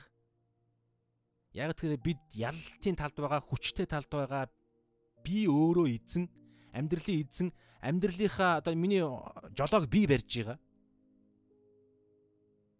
бурхан ч бариагүй шүү. Би барьж байгаа. Энийг та бас ойлгоорой. Би жолоогоо барьж байгаа. Угаасаа ийм байдал дээр анх бүтээгдсэн угаасаа. Эхлэл нэг дээр байгаа. Бид өөрсдийнхөө дүр төрхийн дагуу хүн хүнийг бүтээгээд тэр далайн загас энэ бүх зүйлийг эзэмшүүлэхээр хүнд өөрт нь сонголтыг өгөөд хүнд эрх мэдлийг нь өгж байгаа. Жолоог нь өгж байгаа. Гэхдээ бурхны дүр төрхтэй тэр нэгэн жолоо барьж байгаа.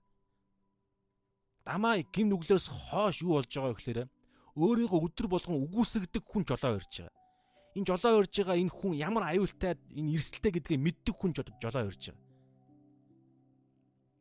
Яахаа мэддэг, алдахтаа алдахаараа яахаа мэддэг хүн жолоо өрж байгаа. Гэтэ гол нь бие барьж байгаа. Тийм учраас жолоо барьж байгаа учраас одоо ерөөсөө шууд баруун дэш нь эргүүлээд шууд дайсны өндөрлөг рүү дайрнаа гэдэг жолоо. Тэр нь юу байх вэ? Ариун сүнс танд юу хэлж чинь те? Тэрийг та бас өөрөө бодоод хэрэгжүүл гаргаарай. Эсэргүүцэх дайралт бас зүхтаах дайралт. 1-р Коринт 6 дээр бол садар самуунаас бол эсэргүүцэх гэдэг юм юусэн ярьдаггүй шүү дээ. Зүхтаа гэж ярьдаг. А зарим юм дээр эсэргүүцэх гэж байгаа. Эсэргүүц зүхтаах нь өөрөө эсэргүүцэлт байхгүй юу? Тэгээд зарим юм дээр хөөн, зайл сатана оюун бодол дээр те чи хүний ямиг бодож чинь. Бурхны их биш дандаа хүнийхийг боддог. Миний оршихугаас зайл сатана бодлоо хөөн. Гэх мэтчлэн дайрах гэдэг За ингээ иймэрхүү гурван хэрэгжүүлэлт байна. За тэгээд ерөнхийдөө цөмөрөө бас дүгнэлтсэн гэж үзэж байгаа учраас залбираад өндөрлөё. Эзэн энэ цагийн төлөө талархъя. Тантай сайхан ярилцлаа. Тэгээд эзэн энэ ярилцлага энэ нөхөрлийн цаг маань зүрхнээс зүрхэнд сүнснээс сүнсэнд үргэлж болдог гэд үнэхээр талархаж байна. Тэгээд энэ ярилцлагаар энэ а бензиний колонкос бензинээ авдаг их үү их сурвалжаас их их үүсвэр хүчээ авдаг энэ цагт үнэхээр талархаж байна. Тэгээд энэ цагт хин нэгэн хизээ нэгэн цагт ямар нэгэн байдлаар байгаа тэр нэгнийг нэгэнтээ та бас яг ийм цагийг гаргахад та гаргаж та өөрөө ерөөлө буулгаач монголчуудын маань дээр. Тэгээд энэ цагийг танд өргөж байна. Дараагийн цаг хүртэл та бидний өдөр дараа Есүс нэрээр амийн. За хамт хүмүүстэй баярлалаа. Өө өстө баларсан болох хэдэн цагч явчих. За яах За энэ цаг дээр нэрээ ганц тайлбар хэлье. Энэ цаг бол зарим хүмүүс бас жоохон шүмжлэлтэй хандан угаасаа яг тэр асар олон цагаар явдаг, орой явдаг, шүн явдаг. Гэхдээ би нэг хэдийн юмар энийг ерөнхийдөө өмгөөлдөй. Нэгдүгээрт хадгалагддаг. Хитэн цаг үргэлжлэж байгаа ч гэсэн хадгалагддаг. Тэр утгаараа та хуруугаараа хүссэн үедээ наашин чаашин хийж дасалж хазаа яаж яаж үзэж болно. Тэгэхээр танд бас өөрийнхөө та өөрөө өөртөө таруулж өөрөө өөрийнхөө хоолоо өөрөө бэлдээрээ энэ цагаас. Харин би миний үүрэг болохоор юу гэхээр ерөөсөө л энэ цагт манаанда зогсоод энэ цагийг зүгээр ингээд тавиал энэ төр энэ төр фэйсбүүкийн орчинд ингээд зүгээр тавих л миний үүрэг байгаад. Эзэн өөрөө дараа нь яах хэнийг энэ цаг руу өдөртөх нь эзний өөрийнх нь асуудал. Надад гол хамаарал энэ дээрээсээ байхгүй. Мэдээж би бүх өөрөө шалтгааллах юмаа хийн нэг групп руу шеэрлж байгаа. Тэгээ open public байгаа. Тэгээ эзэн эзний цаг байхгүй юу? Эзний өөрийнх нь цаг. Би бас энэ цагаас авах юм авж байгаа. За олон цаг үргэлжилдэг дээр бол нэг зүйлийг бас сайн ойлгох хэрэгтэй гэж бодож байна. Мэдээж маш бодиттой юм байгаа. Гэхдээ энэ Библийн судлалын цаг гэдэг нь өөрөө интернетийн орчинд л зориулагдсан цаг юусоо биш шүү дээ. Интернетийг бид ашиглаж энэ цагийг хийж байгаа болохоос биш. Интернетэд бид захирагдах ёсгүй. Эсвэл таны миний хин нэгний гаргасан дүрм хүсэлд нийцүүлж энэ цаг бурхан боолчлогддог тийм дорой биш. Бид бурханд боочлогдож, бид бурханы аа бурханыхаа юу хүсэж чинь тэрлүүнд бид өөрсдөө өөрийгөө өөрчлөх ёстой. За ингэж хэлж байгаагаараа байн хамт байгаараа бүх цагийн дуустал хамт байгаагаа шилээгүй. Би өөр дээр л ярьж байгаа. Энэ цаг ингээд түрүүн хэлсэн чинь яаж тасалж хүмүүс үзэж болно гэх. Дэлгэд байгаа санаа бас нэг юм нь юу гэхээр аа энэ цагт ингээд нэг урсах ёстой юм байгаа байхгүй. Тэр нь урсах нь маш чухал байгаад байгаа. Хэдэн цаг үргэлжлэх нь хамаагүй. Тэгэхээр аль болох удаан болохыг оролдож байгаа. Гэтэ урсах ёстой юм гэж байгаа. Жишээ нь би нөгөө нэг нэгт 3 дахь хийдэг цагууд байгаа те өглөө хуваарлдаг цаг.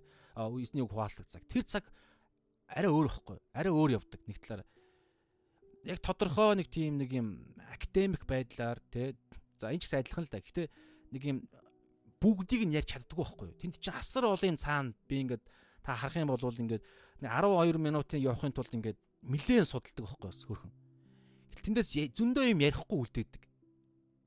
Гэтэл тэр ярихгүй үлдсэн юм болгон дээр дайсан шургалах боломжтой. Зүгээр л нэг юм амтлахаа өгөөл орхиж байгаа цаг байхгүй тэр өглөөний цагууд л. Тэгээ тэндээс аваад тэгээд тэрүүгээр хэрүү хин нэгэн би давхараас хэлчихээ. Тэрүүгээр хин хин нэгэн хүн чимээгүй цагаа хийгээд хангалттай болж гинэ гэж болвол бас дутуу шүү дээ. Тэр бол маш ерөнхий байгаад байгаа шүү. Тэгээ тэндээс аваад та хувьчилсан нэг юм жажлах хувьчилсан юмаа хийхгүй бол тэр цаг зүгээр багажл танд багажл болох хэрэгтэй. Тэр багажийг ашиглаад та хоолоо өөрөө хоолж идэх хэрэгтэй. А энэ цаг дээр яагаад байгаа гэхээр арай өөр байгаа даа байхгүй. Энэ цаг дээр ерөнхийдөө бол баг нэг ийм цагтай адилхан. Яг ингээд нэг зарим нэвтрүүлэг нэвтрүүлэг байдаг шүү дээ одоо зүгээр юу гэдэг нэг хоол хийгээдтэй ингээл юмаа хэрчээл хоолоо хийгээл хийхдээ ингээл ярьж марайл те. За ингээд энэ төмөс арилгах юм бол ингэдэж шүү. Зарим номинд тим номинд байдаг төмөс их зүгээр мүгээр гээл те. Эсвэл ихтэй номинд тэгдэг ингэдэг. Тэгээд энэ төмөсний хин хэсэг нь бол зүгээр байд юм айдин те. Мах авахаараа та нар ингэж авал зүгээр шүү. Одоо хүний биед бас те өхрийн махтыг ингэдэг тэгдэг те. Гахаа махал мах бол ийм тийм гэл ингэ нэг юм процесс нь дунд явж байгаад нэг юм хоол бий болдсон шүү дээ. Тэгээ ингэж байгаа зорилго нь та өөрөө хоолоо хийж идэх зорилттой. Эсвэл тэр хоол бий болоход ямар олон үйл явц дундаас тэр зүйл бий болж байгааг та хараад тэгээд аа энэ энэ бүтээгдэхүүний цаана нь энэ үнний цаана нь ийм олон үнэн хоорондоо холилдож бий болд юм байна. Зүгээр бэлэн хоол идэх биш Тэ бэлэн хүний хийцэн хоолыг маш худалдаж авах биш. Ийм байхгүй дандаа бид нар мөнгөтэй байхгүй дандаа гуанз байхгүй шүү дээ. Итгэлийн амьдрал бүр шал эсэргээр шүү дээ чинь. Итгэлийн амьдрал та яг амьдрал дээр сүнслэг тулаанд орох юм бол та ганцаархна. Танд хинч байхгүй. Пастор чинь таны ихнэр нөхөрч чинь сүнслэг тулаанд орохоор тань туслахгүй шүү дээ. Ганцхан туслах хүн байгаа. Тэр нь Есүсийн илгээсэн ариун сүнс. Тэгэхээр тэр ариун сүнстэй харилцах харилцдаг хүн л яг цагаа тулахаар ганцаархнаа тулаанд орохоор сонголтоо хийж чадна. Ялж чадна гэсэн. Хоолоо хийж хийж идэж чадна гэсэн. Ямар ч материал байхгүй хээр очоод хээрийн зүйлээр хоол хийж чадна гэсэн. Яаж хийдгийг сурцсан хүн. Тийм учраас энэ цагийн нэг зорилго бол тийм байгаад байгаа байхгүй юу? Энэ дунд ингээ хамт байснараа. Гэхдээ мэдээж хүн бас ондоо янз янзын хүмүүс байгаа. Тэгэхээр ядаж надтай ойролцоо хүмүүс нь ч гэсэн ядаж эндээс эзэн тэр хүнийг ингээд эндээс илгээгээрээ. Тэ магадгүй яг энэ өнөөдөртөө 22 оны 3 сарын 19 миний энэ амьдрал эсвэл бүр миний амьдарж байгаа энэ амьдрах хугацаанд ч гэсэн энэ хүн гарч ирэхгүй байсан ч гэсэн интернетэд үлдээгээд байгаа нь намайг явсны дараа ч гэсэн хин нэгэн хүн харах боломжтой шүү дээ. Эзэн яг энийг надад харуулсан баггүй. Тийм учраас ингээд харах хүн хараг, авах хүн аваг. Тэрнээс биш нэг амар олон хүн үзэх ч юм уу те эсвэл олон хүмүүсүүд таалагдаад олон үзэлт авахын тулд олон лайк авахын тулд би энэ цагаа өөрчлөө те ингээ багасгаад энэ бол энэ лавл энэ цагийн зорилго бол биш. Мэдээж өөр байдлаар явандаа бас өөр байдлуудаар энэ юунууд гарна. Гарах бах эзэн бас гарна гараад эхэлж байгаа те өглөөний цаг маг гэд. Ямар ч үс энэ цаг бол энэ цаг шүү. Тэрийг та ойлгоорой гэж хэлхийг хүсэж байна. За за тэгээд бас нэг мэлгэжсэн мартчихлаа. За тэгээд өндөрлөё. Юу байвал фейс коммент байвал тэгээ уншаад. Өөх бас байш шүү. Эрхээ эрхээ эрхэн баяр амайн гэж нотхон сүрэн балжин нэм амайн гэж дүлгөөн дүлгөөний имэ гэдэг хүн гэж үгүйг үгүй үгүй дээ дүү. Зүрхэнд нэгэнт суулгагдсан бурхны хайрыг хинч юу ч авч чадахгүй. Маш их сорилтонд байнга байж зовон шаналдаг маш их хүч шаарддаг дисэж давж нарийн замаар явахыг хүсдэг дээ Тэг ер нь бол санал нэг байна шүү дээ тий. Би тийж харж байна. Яг өмнөх үгүүдэ гэдэг нь арай өөр байдлаар би сайн нэг ойлгосон. Ямар ч хэлсэн санал нэг шүү. Адилхан юм ярьж шүү. Хин бэ? Энэ ямар хүн бэ? Дүлгөөний имэ гэдэг хүн. За тэгээд үг үйлдэл маш зөрдөг. Үг үйлдэл маш зөрдөг. Үдсэн хүн л мэднэ. Тий, яг энийг л яриад нь шүү дээ бид нар. Үг үйлдэл маш зөрнө. Тийм учраас тэр үйлдлийг зөрүүлдэг зүйл нь дотор минь байгаа эргэтнүүдэд минь байгаа шуналд ачаал гимт мөн чанар гэдэг хүч байгаа. Тэрийг би тэгэхээр яг энэ харж байгаа шиг зурж байгаагаа ойлгоод тэгээд гимшиж, улааж, сүнслэг зүйлсийг хийж иж энэ зөрөө өдрөөс өдөрт багасгал юм яриад байгаа. Тэрнээс биш хизээч төгс нийлнэ гэж байхгүй ямар ч боломжгүй. Ганцхан хүн чадсан нь Есүс. Бид ч гэсэн бүрэн тийм байх албагүй, шаардлагагүй. Хэрвээ шаардлагатай гэвэл нүгэл хуулаар зөвтгөх гэдэг юм ярьдаг ойлголт байхгүй юу? Харин тэрийг өдрөөс өдөр тэрийг багасгах шаардлагатай. Зүрх маань тэрийг хүсэж байна. Та ч гэсэн хүн болгон хүсэж байгаа те. Үг үйлдэл маань улам нийлээсэ гэдэг хүсэж байгаа.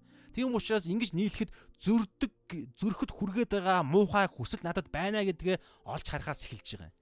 Маш бодиттой дотор маань нэг муухай хүч яваад яваад байна гэдэг. Тэрийг харахаас эхэлж байгаа шүү. За тэгээд тийм ээ цээжлэхтэй биш зүрхэндээ суулгах амин Хаалалуя амен гэсэн байна төлгөөний имэ гэдэг хүн те. Ажаан залбиралдаа миний зүрхийг алган дээрээ тавиад өөр өрөө дасалгаа болго болгохыг шалгаач гэдэг дээл гэж шиг байна те. Яг үнэ. Зүрхийг минь алган дээрээ тавиад өрөө дасалгаа болгохыг шалгаач. За энэ юу хэлсэн бол За тэгээд ерөнхийдөө бол амен амен амен гэж хамт явсан хүмүүс байна. Хамт зэрэг явсан юм байна те.